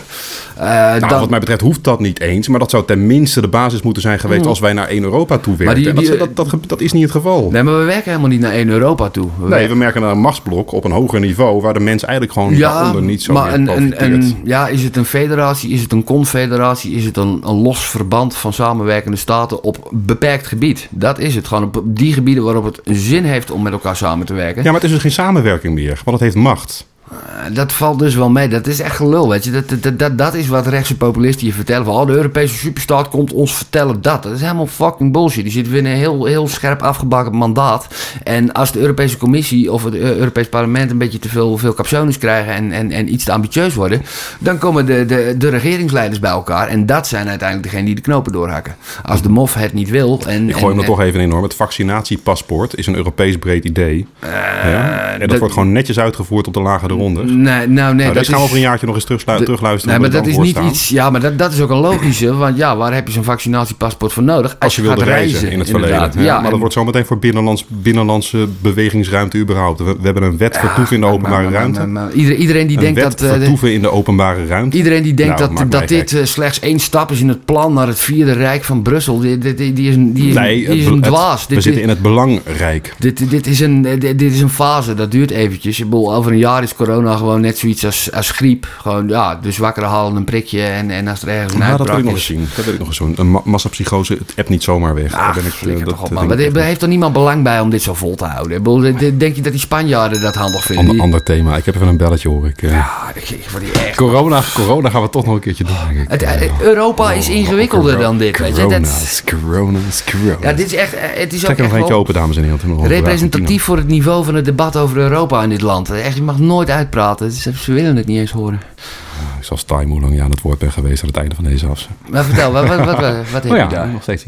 Kan de EU uitgroeien tot een one world government? Mm, Asking for a friend. Nee. Dat zegt Pino, hè? Ja, gewoon onder leiding van de Joden en de Illuminati. Ik weet wel uh, waar jij... Uh, ja. Dit is een vraag van Tommy. Tommy fluistert nou, net in bij. Nee, um, dat niet. Ik hoop, nou, trouwens, ik hoop het ergens wel. Um, want ik geloof dat zeg maar, de concurrerende uh, machtsblokken hmm. die er zijn. Kijk, Amerika zit is deel van ons blok eigenlijk. Hè? Wij zijn bondgenoten via de NAVO. Ja, ja, zeker. Ja.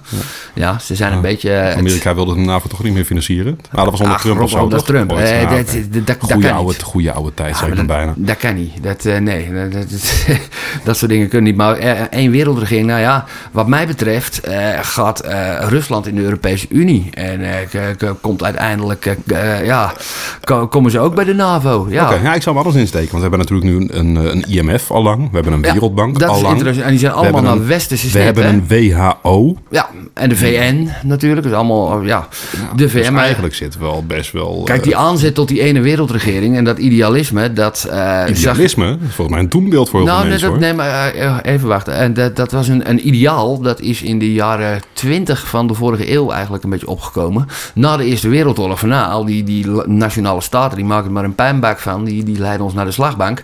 We moeten samen als mens, als, als wereld, maar dat was overambitieus. Dat werkte niet. Je moet op kleiner niveau, decentraal, moet je samen gaan werken. Hmm. En als dan uiteindelijk blijkt dat jouw model en jouw, jouw beschaving, zeg maar, en de waarden die daarbij horen, dat die dus beter zijn nou, dan zal uiteindelijk uh, zullen alle onvrije concurrenten, zoals het Chinese model, zoals de Russische kleptocratie, die zullen het afleggen. En die zullen gewoon goedschiks of kwaadschiks, en ik denk goedschiks, want wij voeren geen oorlog meer wat dat betreft, zullen die ook ons model overnemen. Net zoals Japan dat ook heeft gedaan. Dat heeft eerst helemaal vanuit zijn eigen cultuur en geschiedenis hebben ze uh, zichzelf de vernieling ingeholpen met een oorlog.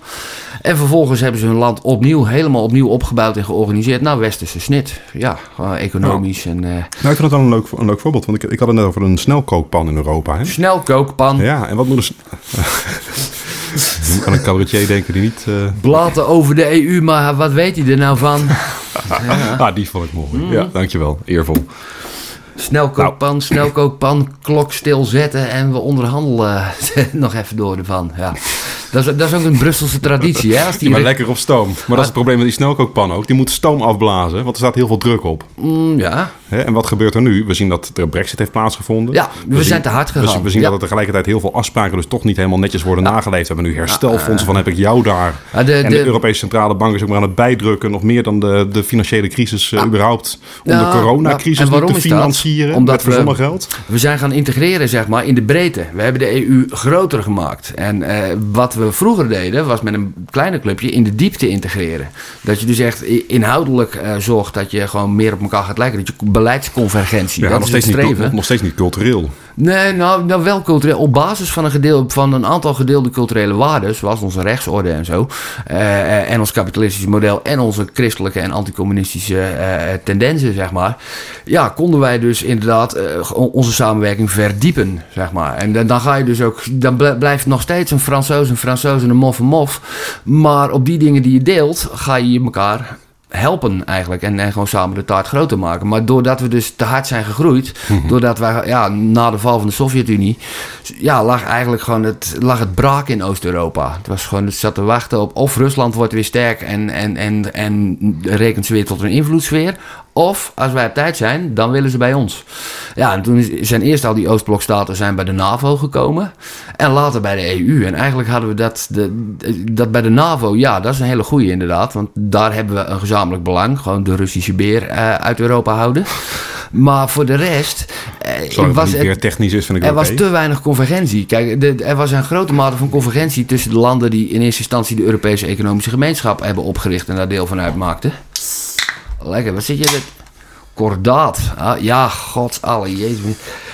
Ik heb het ook niet zo op cosmopoliet, maar jij bent echt gewoon... Ze hebben weer uh, Oetinger bij de Lidl, zag ik ook. Fucking tata dat je Ze er verkopen bent. Oetinger weer bij de Lidl. Oettinger spreekt man als alles toe. Ja, god, dat staat er niet, hè. Nee, Dr. Oetker. Ongebedete. Al die Duitse zooi, dat komt, nee, dat komt, nee. Kijk, het grotere probleem vind ik al die Marok uh, Marokkaanse, sorry, dat was een echt een, dat moet een Freudian slip heten, maar dat was echt niet de bedoeling. Ik wilde Amerikaanse zooi uh, zeggen, mm. in alle, echt met al mijn vezels. Welke Amerikaanse de, zooi? De McDonald's en de Burger Kings en dat soort dingen die ja. uh, onze ziekenhuis vol flikkeren met We hebben er ook een hoop moois van, van, van, komt er vandaan. Cultuur, muziek, popmuziek, film. Nike, Air Max. Hollywood, ja. ja. Hadden we Hollywood is wel gebouwd op de... Ja, oh ja, en Apple natuurlijk. Ja, voor verdamme, de reclamecodecommissie staat hier echt nu al te springen uh, om ons uh, boetes ja, op te leggen. Ja. Ik, we doen naartoe, hè? Dat is wel mooi. Dit, dit format begint wel echt gewoon uh, vorm te krijgen. Apple, Apple is alles waar Charles de Gaulle bang voor was, zeg maar. Toen hij de, en waarom hij de Engelsen de deur wees. Omdat, ja, continentaal Europa... dat is in, in de opvatting van de Fransen en sommige Duitsers... dat is iets heel anders cultureel dan de Anglo Anglo-Saxische wereld en zo. En daarom verweren die zich... hebben die zich altijd een beetje verweerd tegen Amerikaanse invloed en zo. Dus, maar dat voelt niet als wij. We nee. horen niet bij of jullie horen niet bij ons. Ja, en nee, wij willen wij zijn het is zonder een, jullie. Het is een minderwaardigheidscomplex. Van wij, wij moeten onze eigen cultuur beschermen, want anders worden we overspoeld. De coca-kolonisering van ons continent. Zo, okay, zo, ja, zo noemden ja. de, de Fransen dat. En daar gingen ze heel ver in hoor. Gewoon koelkasten, die kwamen ook allemaal uit Amerika in de jaren 50. Maar dat, dat was allemaal helemaal nergens voor nodig. En dat, uh, dat, dat was uh, in strijd met de Franse culinaire tradities. En uh, dat zou alleen maar tot verkeerde dingen leiden. zaten geen slakken in de McDonald's. Ja, nee, precies. Ja, Sorry. ja nee, maar dat is een vergelijking van iemand die nooit in Frankrijk is geweest. Ja, Alsof nee, ze ja. alleen maar slakken eten. Nou, er ook wel, ze, wat ze doen is inefficiënt, produ in het inefficiënt produceren van hele exquisiete, lekkere, dure dingen.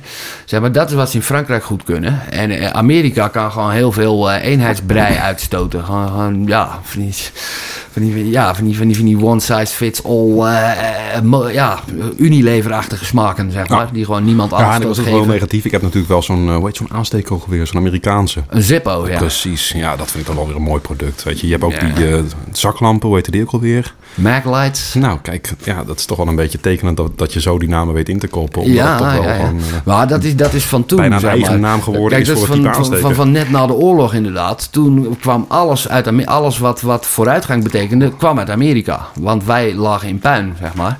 En zij hadden die techniek. En zij hadden en ze maakten toen goede spullen. Het is ma- een jammer en dat ze de, waren de Chinese, enige, ja. de Chinese varianten hiervan zijn natuurlijk Ja, gewoon... ja, eh, maar dat is ook waarom China geen, geen voet aan de grond kan krijgen hier. Zeg maar. In Afrika kunnen ze wel met inferieure producten en slechte tractoren zeg maar, gewoon eh, loyaliteit kopen.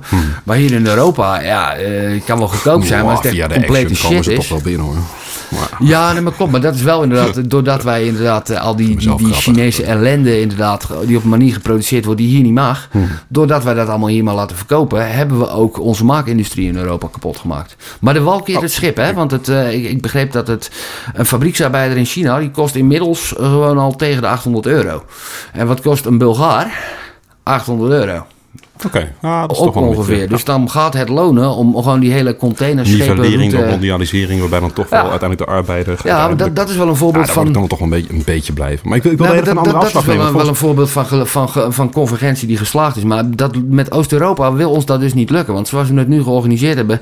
Ja, Oost-Europa wordt niet echt beter van het feit dat ze bij Europa horen. Die blijven gewoon maar zwak en zo.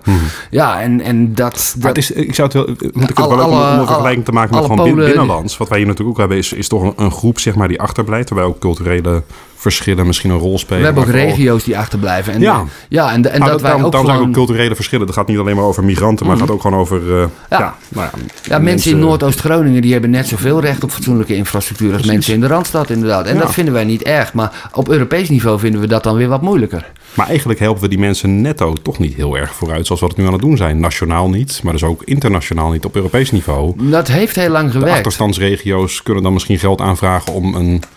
Ja, maar dat, Oh, dat heeft dus in, heel erg gewerkt. Want heel veel van die achterstandsregio's, dat waren complete landen. Zo Spanje en, eh, en Portugal en zo. Ja, en dat, die zijn gewoon echt met sprongen vooruit gegaan. En Ierland ook. Die, die landen zijn er echt bovenop gekomen.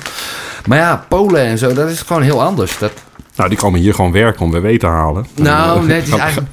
Ja, kijk, weet je wat het is? eh, Het, is eigen niet goed voor ons, omdat wij dus het arbeidsrecht niet goed handhaven. Wij, kijk, er zou sprake zijn van een gelijk speelveld. Dat was het idee van de Bolkestein-richtlijn ooit. Hmm. Eh, nou, dat, dat zie je dus dat daar bepaalde overheden het anders doen. Kijk, Frankrijk beschermt zijn arbeidsmarkt met, met allerlei eh, kunstgrepen. En Nederland, ja, wij handhaven gewoon niet. En daarmee ondergraven we dus ons minimumloon en onze Ja, eigen arbeidersklasse. ook- ook- Maar we- weet je wat ook is? Dat is dus niet goed voor ons, want we ondergraven ons, onze eigen, eh, de onderhandelingspositie van onze We eigen hebben gewoon te, werknemers. te veel tomaten en, En- tulpen. hè. Trek die maar de grond. Eh, eh. en, zin en- aan. nou weet je wat is? Kijk, en in Polen zelf, daar heeft een totale brain drain. Dat zie je in Roemenië ook. De enige mensen die nog op het platteland is in kleine dorpen en steden in Oost-Europa wonen, Hm. dat zijn mensen, of bejaarden. Of kinderen, of mensen die te dronken dan wel te gehandicapt zijn om, om, om, eh, ja, om, om te begrijpen hoe je in West-Europa Nou, komt en hoe je je daarvoor hebben we dan weer max maakt mogelijk. Iedereen die ooit iets van, dat van dat land gezien? zou Sorry. kunnen hebben maken, die is gewoon hier aan het uitgebreid worden. Ik wil hem toch even en dat weten. was niet de bedoeling. Heb je wel eens max maakt mogelijk gezien? Van Omroep Max of zo? Ja? Ja, ik, kijk heel, ernaast. ik kijk meer Railway. Dat, is, dat vind ik heel fijn. Oké. Max. Ja, max maakt mogelijk is een beetje wat je net vertelde over mensen die eh, in Hongarije dan eh, ergens in een ja, gebiedje zit, wat, zitten waar vroeger misschien nog wel activiteit was. En nu zitten er alleen maar bejaarden. Ja. En niemand kan voor ze zorgen en zou ook niet voor zichzelf. Ah, Hongarije nog wel mee, maar Ro- Roemenië Roemenië, ja, ja, ja. Ja, maar dat is het ook. Wie, wie moet daar... eh, dan, dan kan Europa wel dan komen de geld Hollanders komen daar dan eh, ja, voedselpakketjes eh, brengen. Ja, terwijl dat helemaal niet de bedoeling is. De Hollanders zouden daar handel moeten drijven met gewoon de bevolking daar. Die ja, ook lekker onderneemt en zo. En die gewoon op basis van hun lagere lonen kunnen concurreren en dingen naar ons toe kunnen Maar het is meer een voorbeeld hè. van het wegtrekken van, van de jeugd en de jongere bevolking uit, eh, uit dat soort relatief afgelegen delen. Ja. Want Ja, ja, economische is- activiteit moet wel in jouw buurt zijn, wil je er ook van kunnen profiteren en een bijdrage Ja. kunnen leveren. Hè? Anders moet je op het land precies. En-. Ja. En dat is dus, de convergentie, zeg maar. Gewoon op het moment, zeg maar, eh, dat die Oost-Europese landen erbij kwamen. Mhm. eh, als je toen keek naar hoe liggen die erbij en hoe ligt de rest van de Europese Unie erbij. Dat was een enorm verschil. Dat was een wereld van verschil. En dat was vroeger ook wel, toen bijvoorbeeld eh, Ierland erbij kwam. Toen was dat ook echt straatarm vergeleken met de, de, de bestaande Europese lidstaten. Maar er was er maar eentje tegelijk. Eén landje. en niet gewoon, ja, weet ik hoeveel miljoenen mensen, gewoon, ja, half Oost-Europa gewoon ineens erbij. Ja, dat is, dat is niet te doen. Dan, daar hebben ze zich in verslikt. En dat is zonde, ja. En daarom heeft ook de vorige voorzitter van de Europese Commissie... heeft ook gewoon gezegd van... we gaan in mijn termijn gaan we niet meer uitbreiden. En dat, eh, dat, dat heeft hij ook netjes volgehouden. En, eh, ja, Nou, hij heeft ook niet echt... alles eh, relatief vol, dus laat het ook maar even zo, want misschien gaat dit al mis. nou, het, Ze stappen er nu al uit. Laten we maar voorkomen Ja. dat de rest er ook uitstapt als het, eh, nou, la, de la- netto-betalers echt denken, we zijn er klaar mee. Want dit werkt niet meer op Nou. deze manier voor ons. nou, maar kijk, het is ook... We dragen macht en geld over. En dat is een beetje waar we nu beter van worden. Die interne markt die gaan we inderdaad wel weer opbouwen. Hoor, want daar hebben we allemaal baat Eh, bij maar, maar hoe fucking belangrijk die is, dat, dat gaat een, een land als, als Groot-Brittannië gaat dat nu merken. Die economie die Nou, nee, in dat, dat, elkaar dat, dat is een beetje simpel om te zeggen. nee, omdat, niet, omdat juist de macht ook van de afgewezen partij Europese Unie nu aanwezig is om hen kapot te maken. Hè? En Ja. die rancune zit er ook gewoon in. En dat is Ja. ook gewoon het hele doem, doembeeld wat al die jaren rond die brexit als zweep Nee, maar bleef we- we- hangen. we maken ze niet Oh, eens ze kapot. Gaan er alleen maar, ze Eh, gaan er alleen maar onder lijden. Ze we- gaan er alleen maar We onder behandelen lijden. ze Ja, gewoon als, als ieder ander klein Wat kutland. stemmetje ook wat ik erbij deed. Hartstikke leuk. Stond het in het script. Nee, maar het Nee, is gewoon, kijk, spontaan. eerst waren ze deel van onze club en gingen we samen gewoon door eendracht, eh, zeg maar, het voor ons allemaal beter maken. Hè? Als zij dat dan niet willen, dan word je gewoon behandeld als ieder ander land. Kijk, als wij een Ja, handelsverdrag... dat is, niet waar, dat is dus niet waar. Hè? Want een, zoals, zoals jij een, een, een meisje wat jou gruwelijk heeft afgewezen... de jaren daarna echt niet zomaar kan, kan behandelen als ieder ander meisje. Hè, zo werkt dat hier ook. De Europese Unie is nu gewoon een afgewezen meisje door een... Een nou- land wat gewoon voor zichzelf koos en weet, wij kunnen dit zelf ook wel. En als wij allebei weer rationeel worden, dan gaan wij de dingen waar we samen beter worden wel weer uit onderhandelen om er samen beter van te worden. Want daar wordt iedereen beter van. En dat willen we nu niet vanwege die, die rancune. Nou, nee, nee, nee, nee, nee, maar dat is niet alleen dus maar rancune. Internationale samenwerking hoeft helemaal niet via zo'n machtsverband als de Europese Unie. dingen waar wij samen beter van worden, komen pijn? De EU heeft ook, heeft ook last van de brexit. Dat kost nou, ons ook ja, geld. serieus. Want dat, waren netto betalers. Maar het kost... Ja, dat is die begroting dat een beetje. Maar het kost hun nog veel meer uiteindelijk. En dat is een herstelfonds, een reparatiefonds met een hefboompje van X en Y en weet ik het allemaal. En dan komt het wel weer goed. Uh. Engeland kan zichzelf niet voeden. Die moeten al hun vrede moet, via, moet, moet vanuit continentale Europa. maar dat pond wordt ook een harde munt, net als de, net als de gulden. Dus die zullen er niet echt een enorm probleem mee hebben. En waarschijnlijk niet een enorm... Die pond die is in elkaar gelazerd. Want die pond, dat was inderdaad... Dat is gelul. Nee, check die grafiek maar even na, dames en heren. Want dit is ook een verhaal wat sinds, sinds de brexit-stemmingen rondgaat als... Ja, maar de pond gaat kapot en de pond wordt in elkaar gedonderd. Mm. Nee hoor, er is een klein shockje geweest in de, na die stemming. Ja, Want de markt schikt uiteraard van iets wat men niet verwachtte. Klopt, maar dat... Het was, het was niet verwacht. Maar het gaat alleen maar erger Men dacht allemaal van, oh, die mensen zijn zo bang gemaakt... die gaan echt niet voor een brexit stemmen. Het blijft niet... Uh, en daar kwam die. Het blijft niet bij een schokje. Ik geloof dat ze vorig kwartaal 25% economische krimp hadden. En dan zegt Boris Johnson... Ja, en dat komt niet door corona. Ja, corona. Nee, dat komt alleen maar door de... Ja, nou, nou dat, komt... Ja, kijk, de rest van Europa heeft 11, 12, 13 procent eh, economische krimp gehad in dezelfde tijd. Zou het misschien toch nog iets te maken hebben met het feit dat, dat iedere vrachtwagen ineens aangehouden wordt, formuliertje moet tonen, nou, douane moet erbij komen, invoerheffingen betalen. Nou, wacht even. Het gaat niet alleen maar, het gaat, maar het gaat voor een groot om corona. We hebben natuurlijk nu de Britse variant. Ja, nee, maar dat, dat, vliegverkeer is stilgelegd geweest rond de kerst. En ook daarna zijn er extreme beperkingen ja, het vliegverkeer geweest. Vliegverkeer wat stil ligt, nou ja. ja kijk, het is, dat heeft impact op jouw economische activiteit. Dat heeft het, maar dat was maar heel kort. Als een piloot zich moet laten testen. Dat was maar heel kort eventjes. Kijk, weet je wat ook invloed heeft op het economisch klimaat? Heel veel van die financiële eh, sector uit Londen. En dat moet, want die brexit moet mislukken. Want anders is de Europese Unie gedoemd dat er meer weglopen. Mm, eh, dus ze moet ook wel rancuneus gaan lopen doen. om ons voor de gek te houden. De enige dat manier... Het relevant is dat wij erin blijven voor onszelf.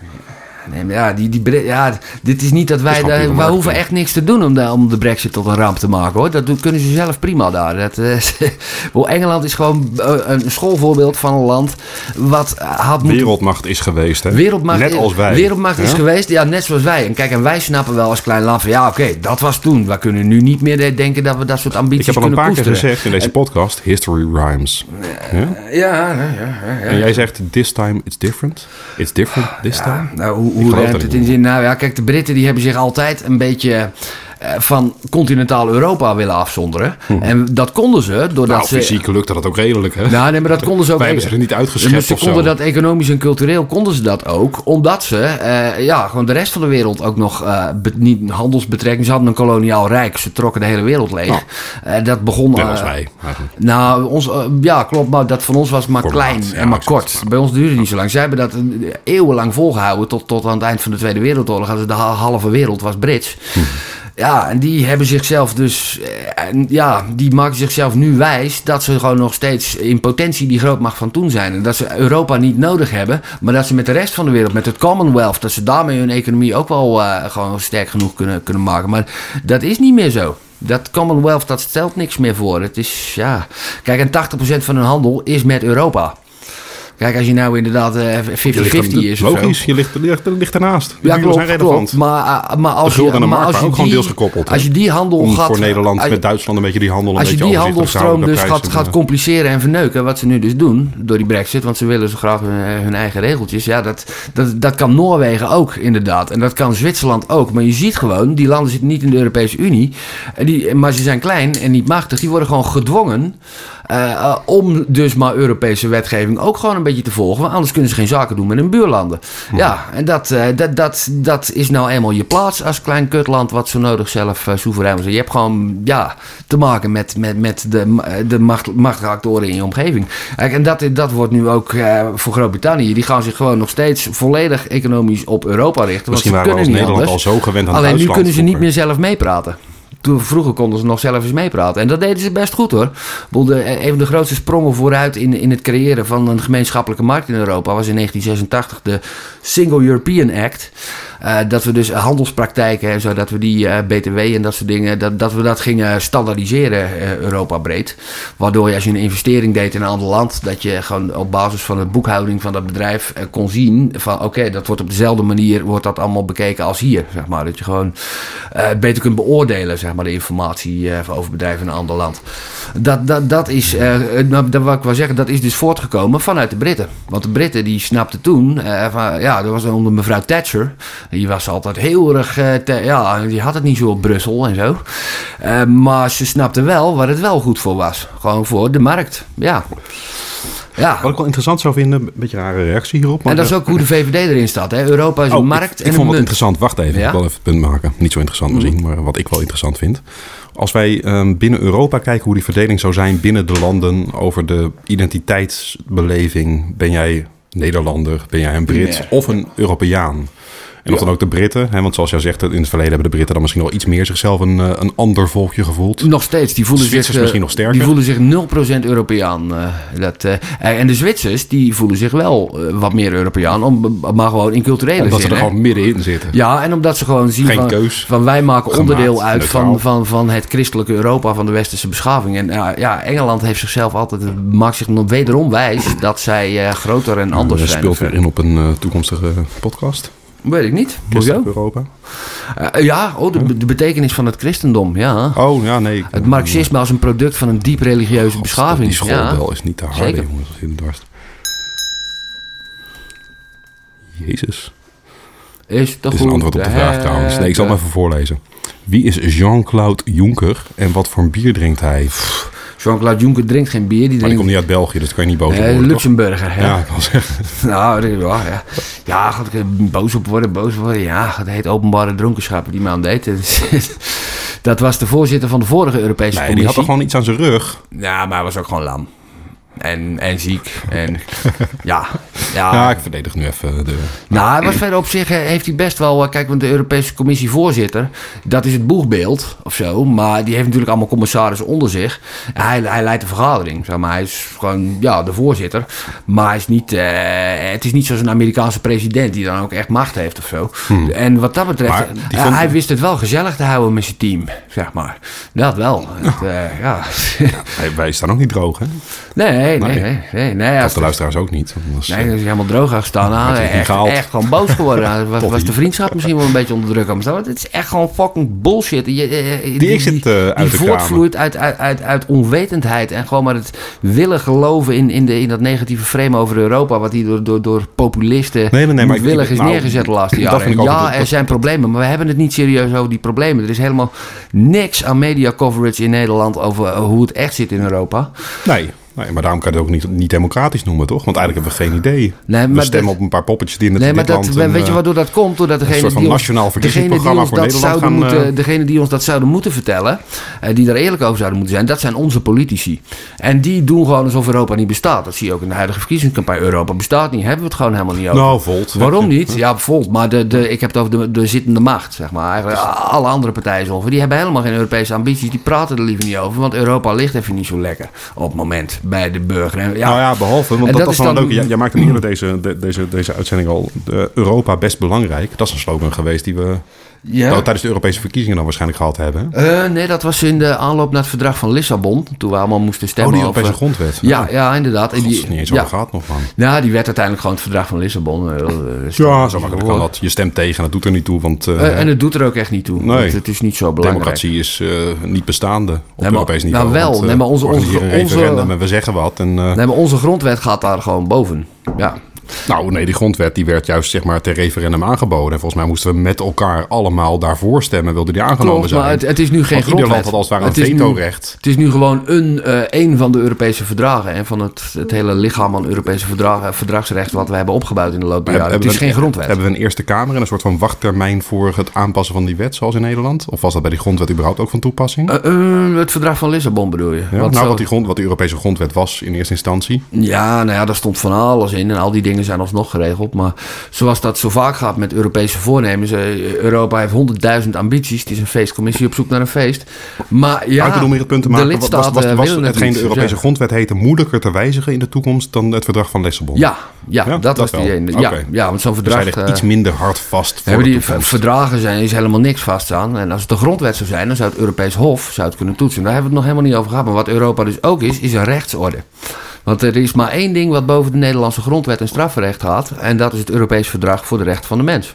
En als jij dus hier in Nederland uitgeprocedeerd... Wij zitten hier uh, opgesloten voor een uh, virus waar bijna niemand aan dood gaat. Hè? Gooi me toch even in. Uh, ja, klopt. En, en, Rechten van de mens. Er wordt onderwijs ontzegd aan hele groepen jongeren die mm, juist in de, mm. in de onderklasse zitten. En er zijn allerlei... Die helemaal geen thuisonderwijs kunnen bieden. Onderwijs wordt ontzegd vanwege een virus waar een paar oude mensen ik, aan Ik weet het eigenlijk niet Ik gooi me toch even in. Ik weet het niet helemaal precies, maar ik, ik, kan me zo voorstellen... Vaccinatiepaspoort, daar zijn we mee bezig. Ik zie dat er in... er wordt een debat, jongens. Wij gaan de politiek en we gaan toch niet bij dezelfde partij uitkomen. Ik zie dat er in, uh, in, in Duitsland bijvoorbeeld, daar, uh, ja, daar zijn heel veel coronamaatregelen. Zijn, zijn al bezig. Zijn deze, aangevochten. Dit, dit, format gaat toch in, deze, in dit thema wel heel hard hoor. Ja, Mensen zitten zo met drie uur te luisteren. Europa, daar kan ik nog heel lang over doorgaan. Ja, dat, dat we gaan hier nog gewoon drie uitzendingen over maken. Ja, kijk, want, oh, en uiteindelijk krijg ik gelijk. om, om aan jou, nee, nee, want om aan jou een keertje duidelijk te maken, om die plank voor je kop te doorboren, zal ik je eerst gewoon 500 jaar bloedige Europese geschiedenis.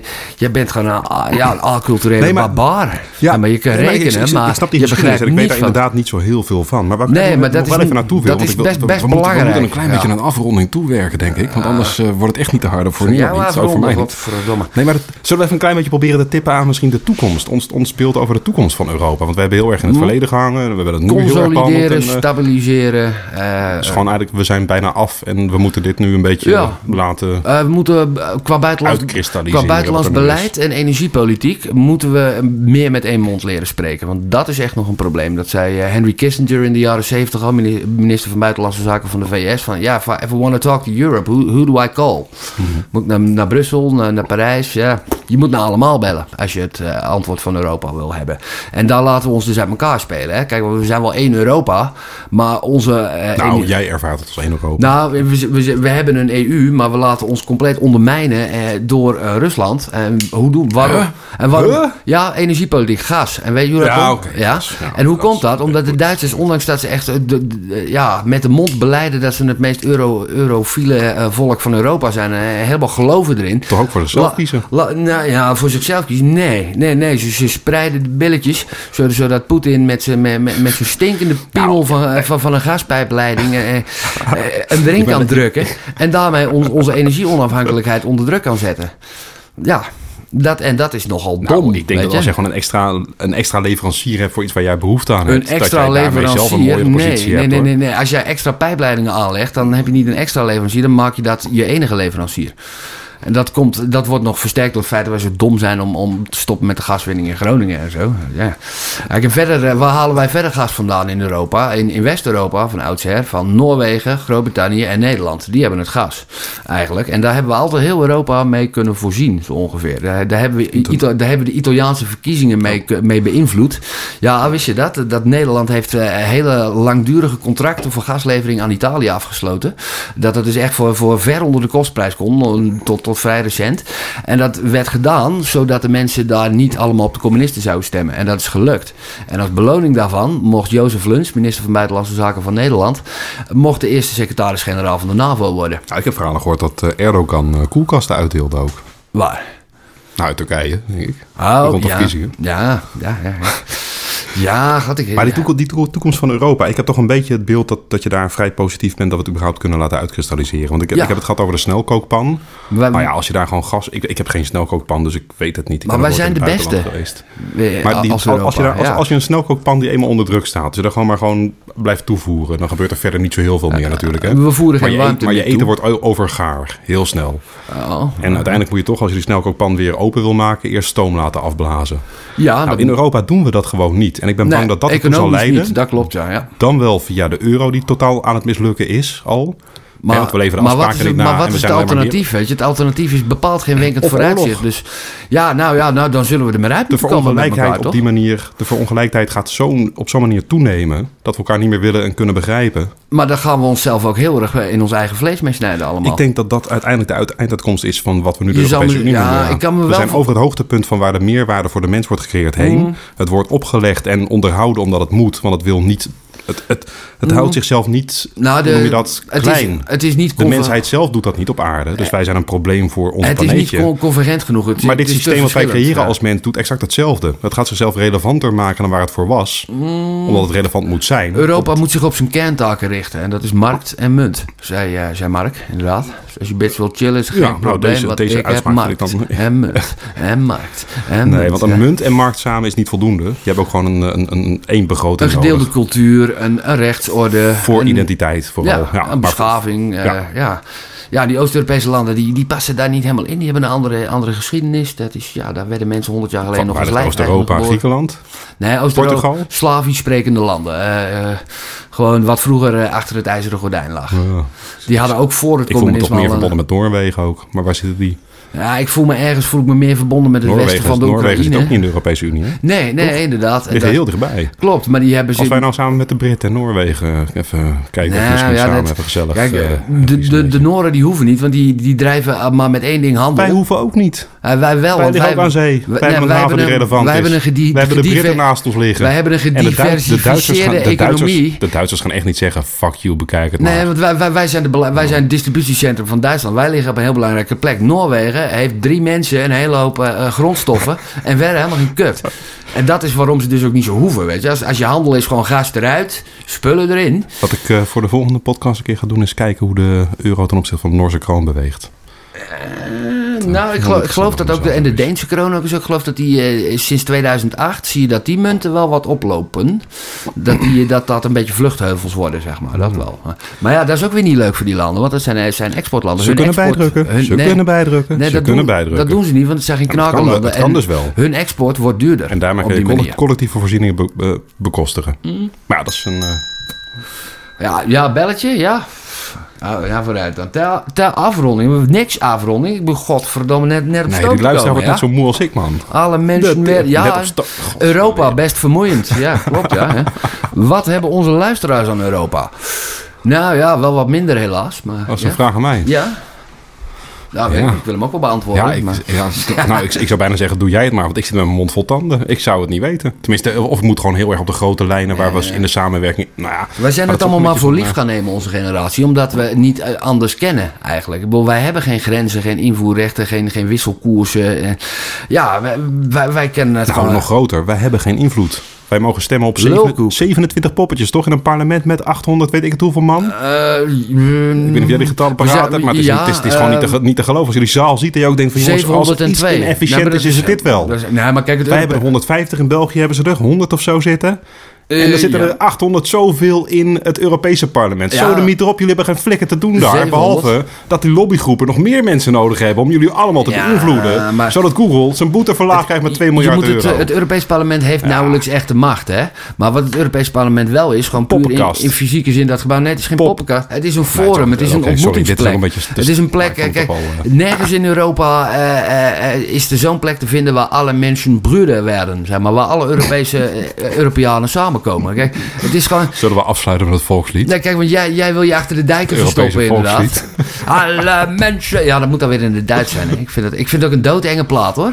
En dat Europa heeft geen volkslied nodig. Nee. Dat uh... stond in die grondwet hè? Ja, nou... Misschien bij het ja, verdrag van Lissabon. Nou, we een vlag hebben, maar, maar uh, als niemand erin nou, gelooft... kennen we al, maar dat volkslied dat... dat als niemand erin gelooft, dan is het toch uh, niks Doodzeng, waard. grootheidswaan. En daarmee gaat deze snelkookpan uiteindelijk gewoon... Ja, ja, ja, ja. Het is, het is een product van het, het zieke snelkookpan imploderen als je het daarna in de ijskast zet? Terwijl je het enorm onder druk hebt gezet. Uh, ja, vast wel. Maar dat zie ik ook wel gebeuren hoor. Ik vind ook dat in 2008 we hadden de Grieken uit de euro moeten trappen. Echt.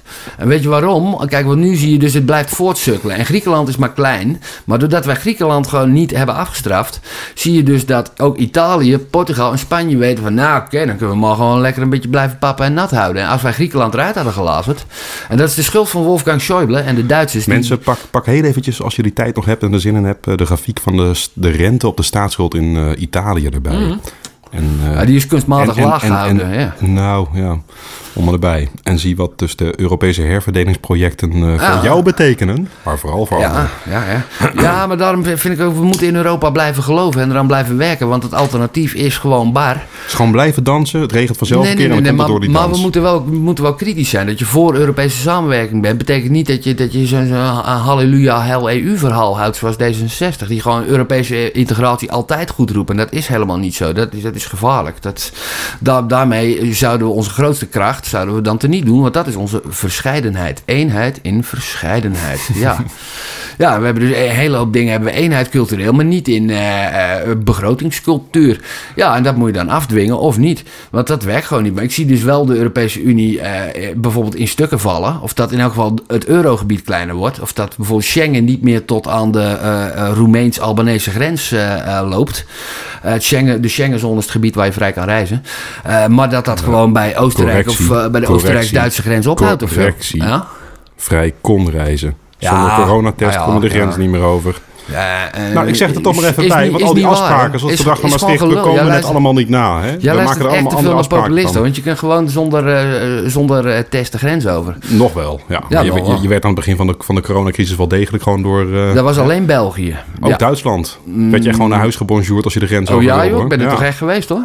In die, midden in die eerste lockdown. Ja, oké. Ja, nee, dat mocht wel. Maar ja, toch België dan misschien één voorbeeldje is al een, ja, maar dat is geen land. Een, een, falsificatie van dat de afspraak überhaupt nog stond. Hè, want als er één over de grens is, zoals ik ook zijn met Frankrijk, dan kunnen we allemaal wel besluiten om mm. er een loopje mee te nemen. Dus dat is misschien één maar voorbeeld. Dat, dat was omdat al die Europese landen ineens hun eigen beleid weer gingen voeren. En die, dus in, in het ene land mocht je wel naar de kroeg, het andere land niet. Ja, uh, in Nederland... Dus we hebben Europa te weinig macht gegeven? Nee, nee, nee. nee, nee. We, we hebben dat, dat hadden we Europees aan moeten pakken met die lockdowns en zo. Want wat je kreeg was dat mensen in Nederland niet mochten winkelen. En in België kon het wel. Ja, dan gaan hele volkstammen allemaal naar België. Maar dan krijgen wij dus zo meteen met onze 27 parlementariërs en een uh, parlement met uh, weet ik het hoeveel 750 cent er. Ja. Oké. Ja, ik ga dus met die vier aan het eind, maar dat is, nou, maakt niet uit. Nou, maar het, het wisselt ook. Maar, en we hebben er eentje bij gekregen, want de Britten zijn eruit gegaan.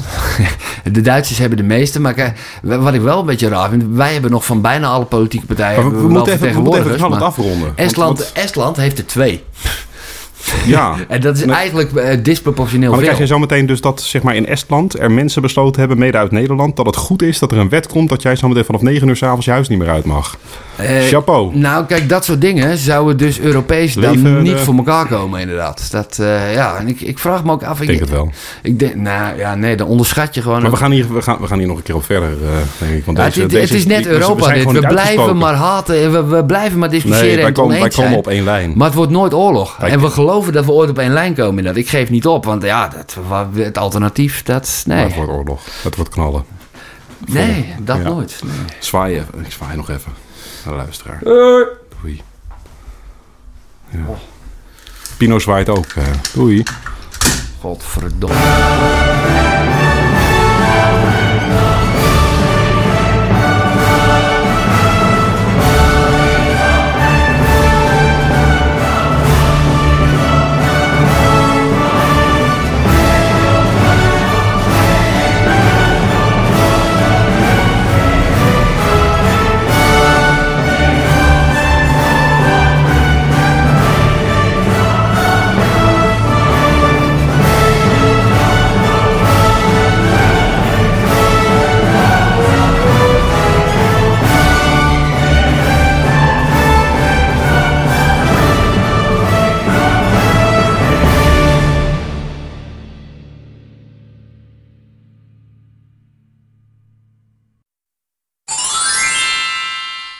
Zoekt u als mediamaker ook financiële steun?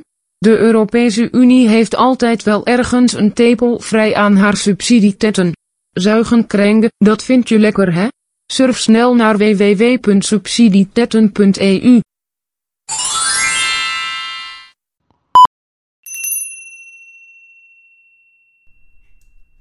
Ja, ik ken die uitdrukking gewoon niet zo. Heb je ooit in tongen gesproken? Ja, bla bla. Ja, dat is gewoon dat je... Dat je nou ja, als er genoeg bier in zit, gaat het vanzelf. Maar dat is... Ja. ik twijfel of dan mijn, de Heilige Geest mij overkomen is. Of toch gewoon de... De Heilige Geest van Freddy Heineken is in mijn geval. Uh, kleine jongen. Ja. ik zou dat geen opwekking noemen. Nee, ik ben dan toch, want het is een downer, hè, alcohol. Dus uh, dat is geen opwekking meer. Dat is uh, aftaaiing. Ik word er altijd wel rellerig van, eigenlijk. Ja?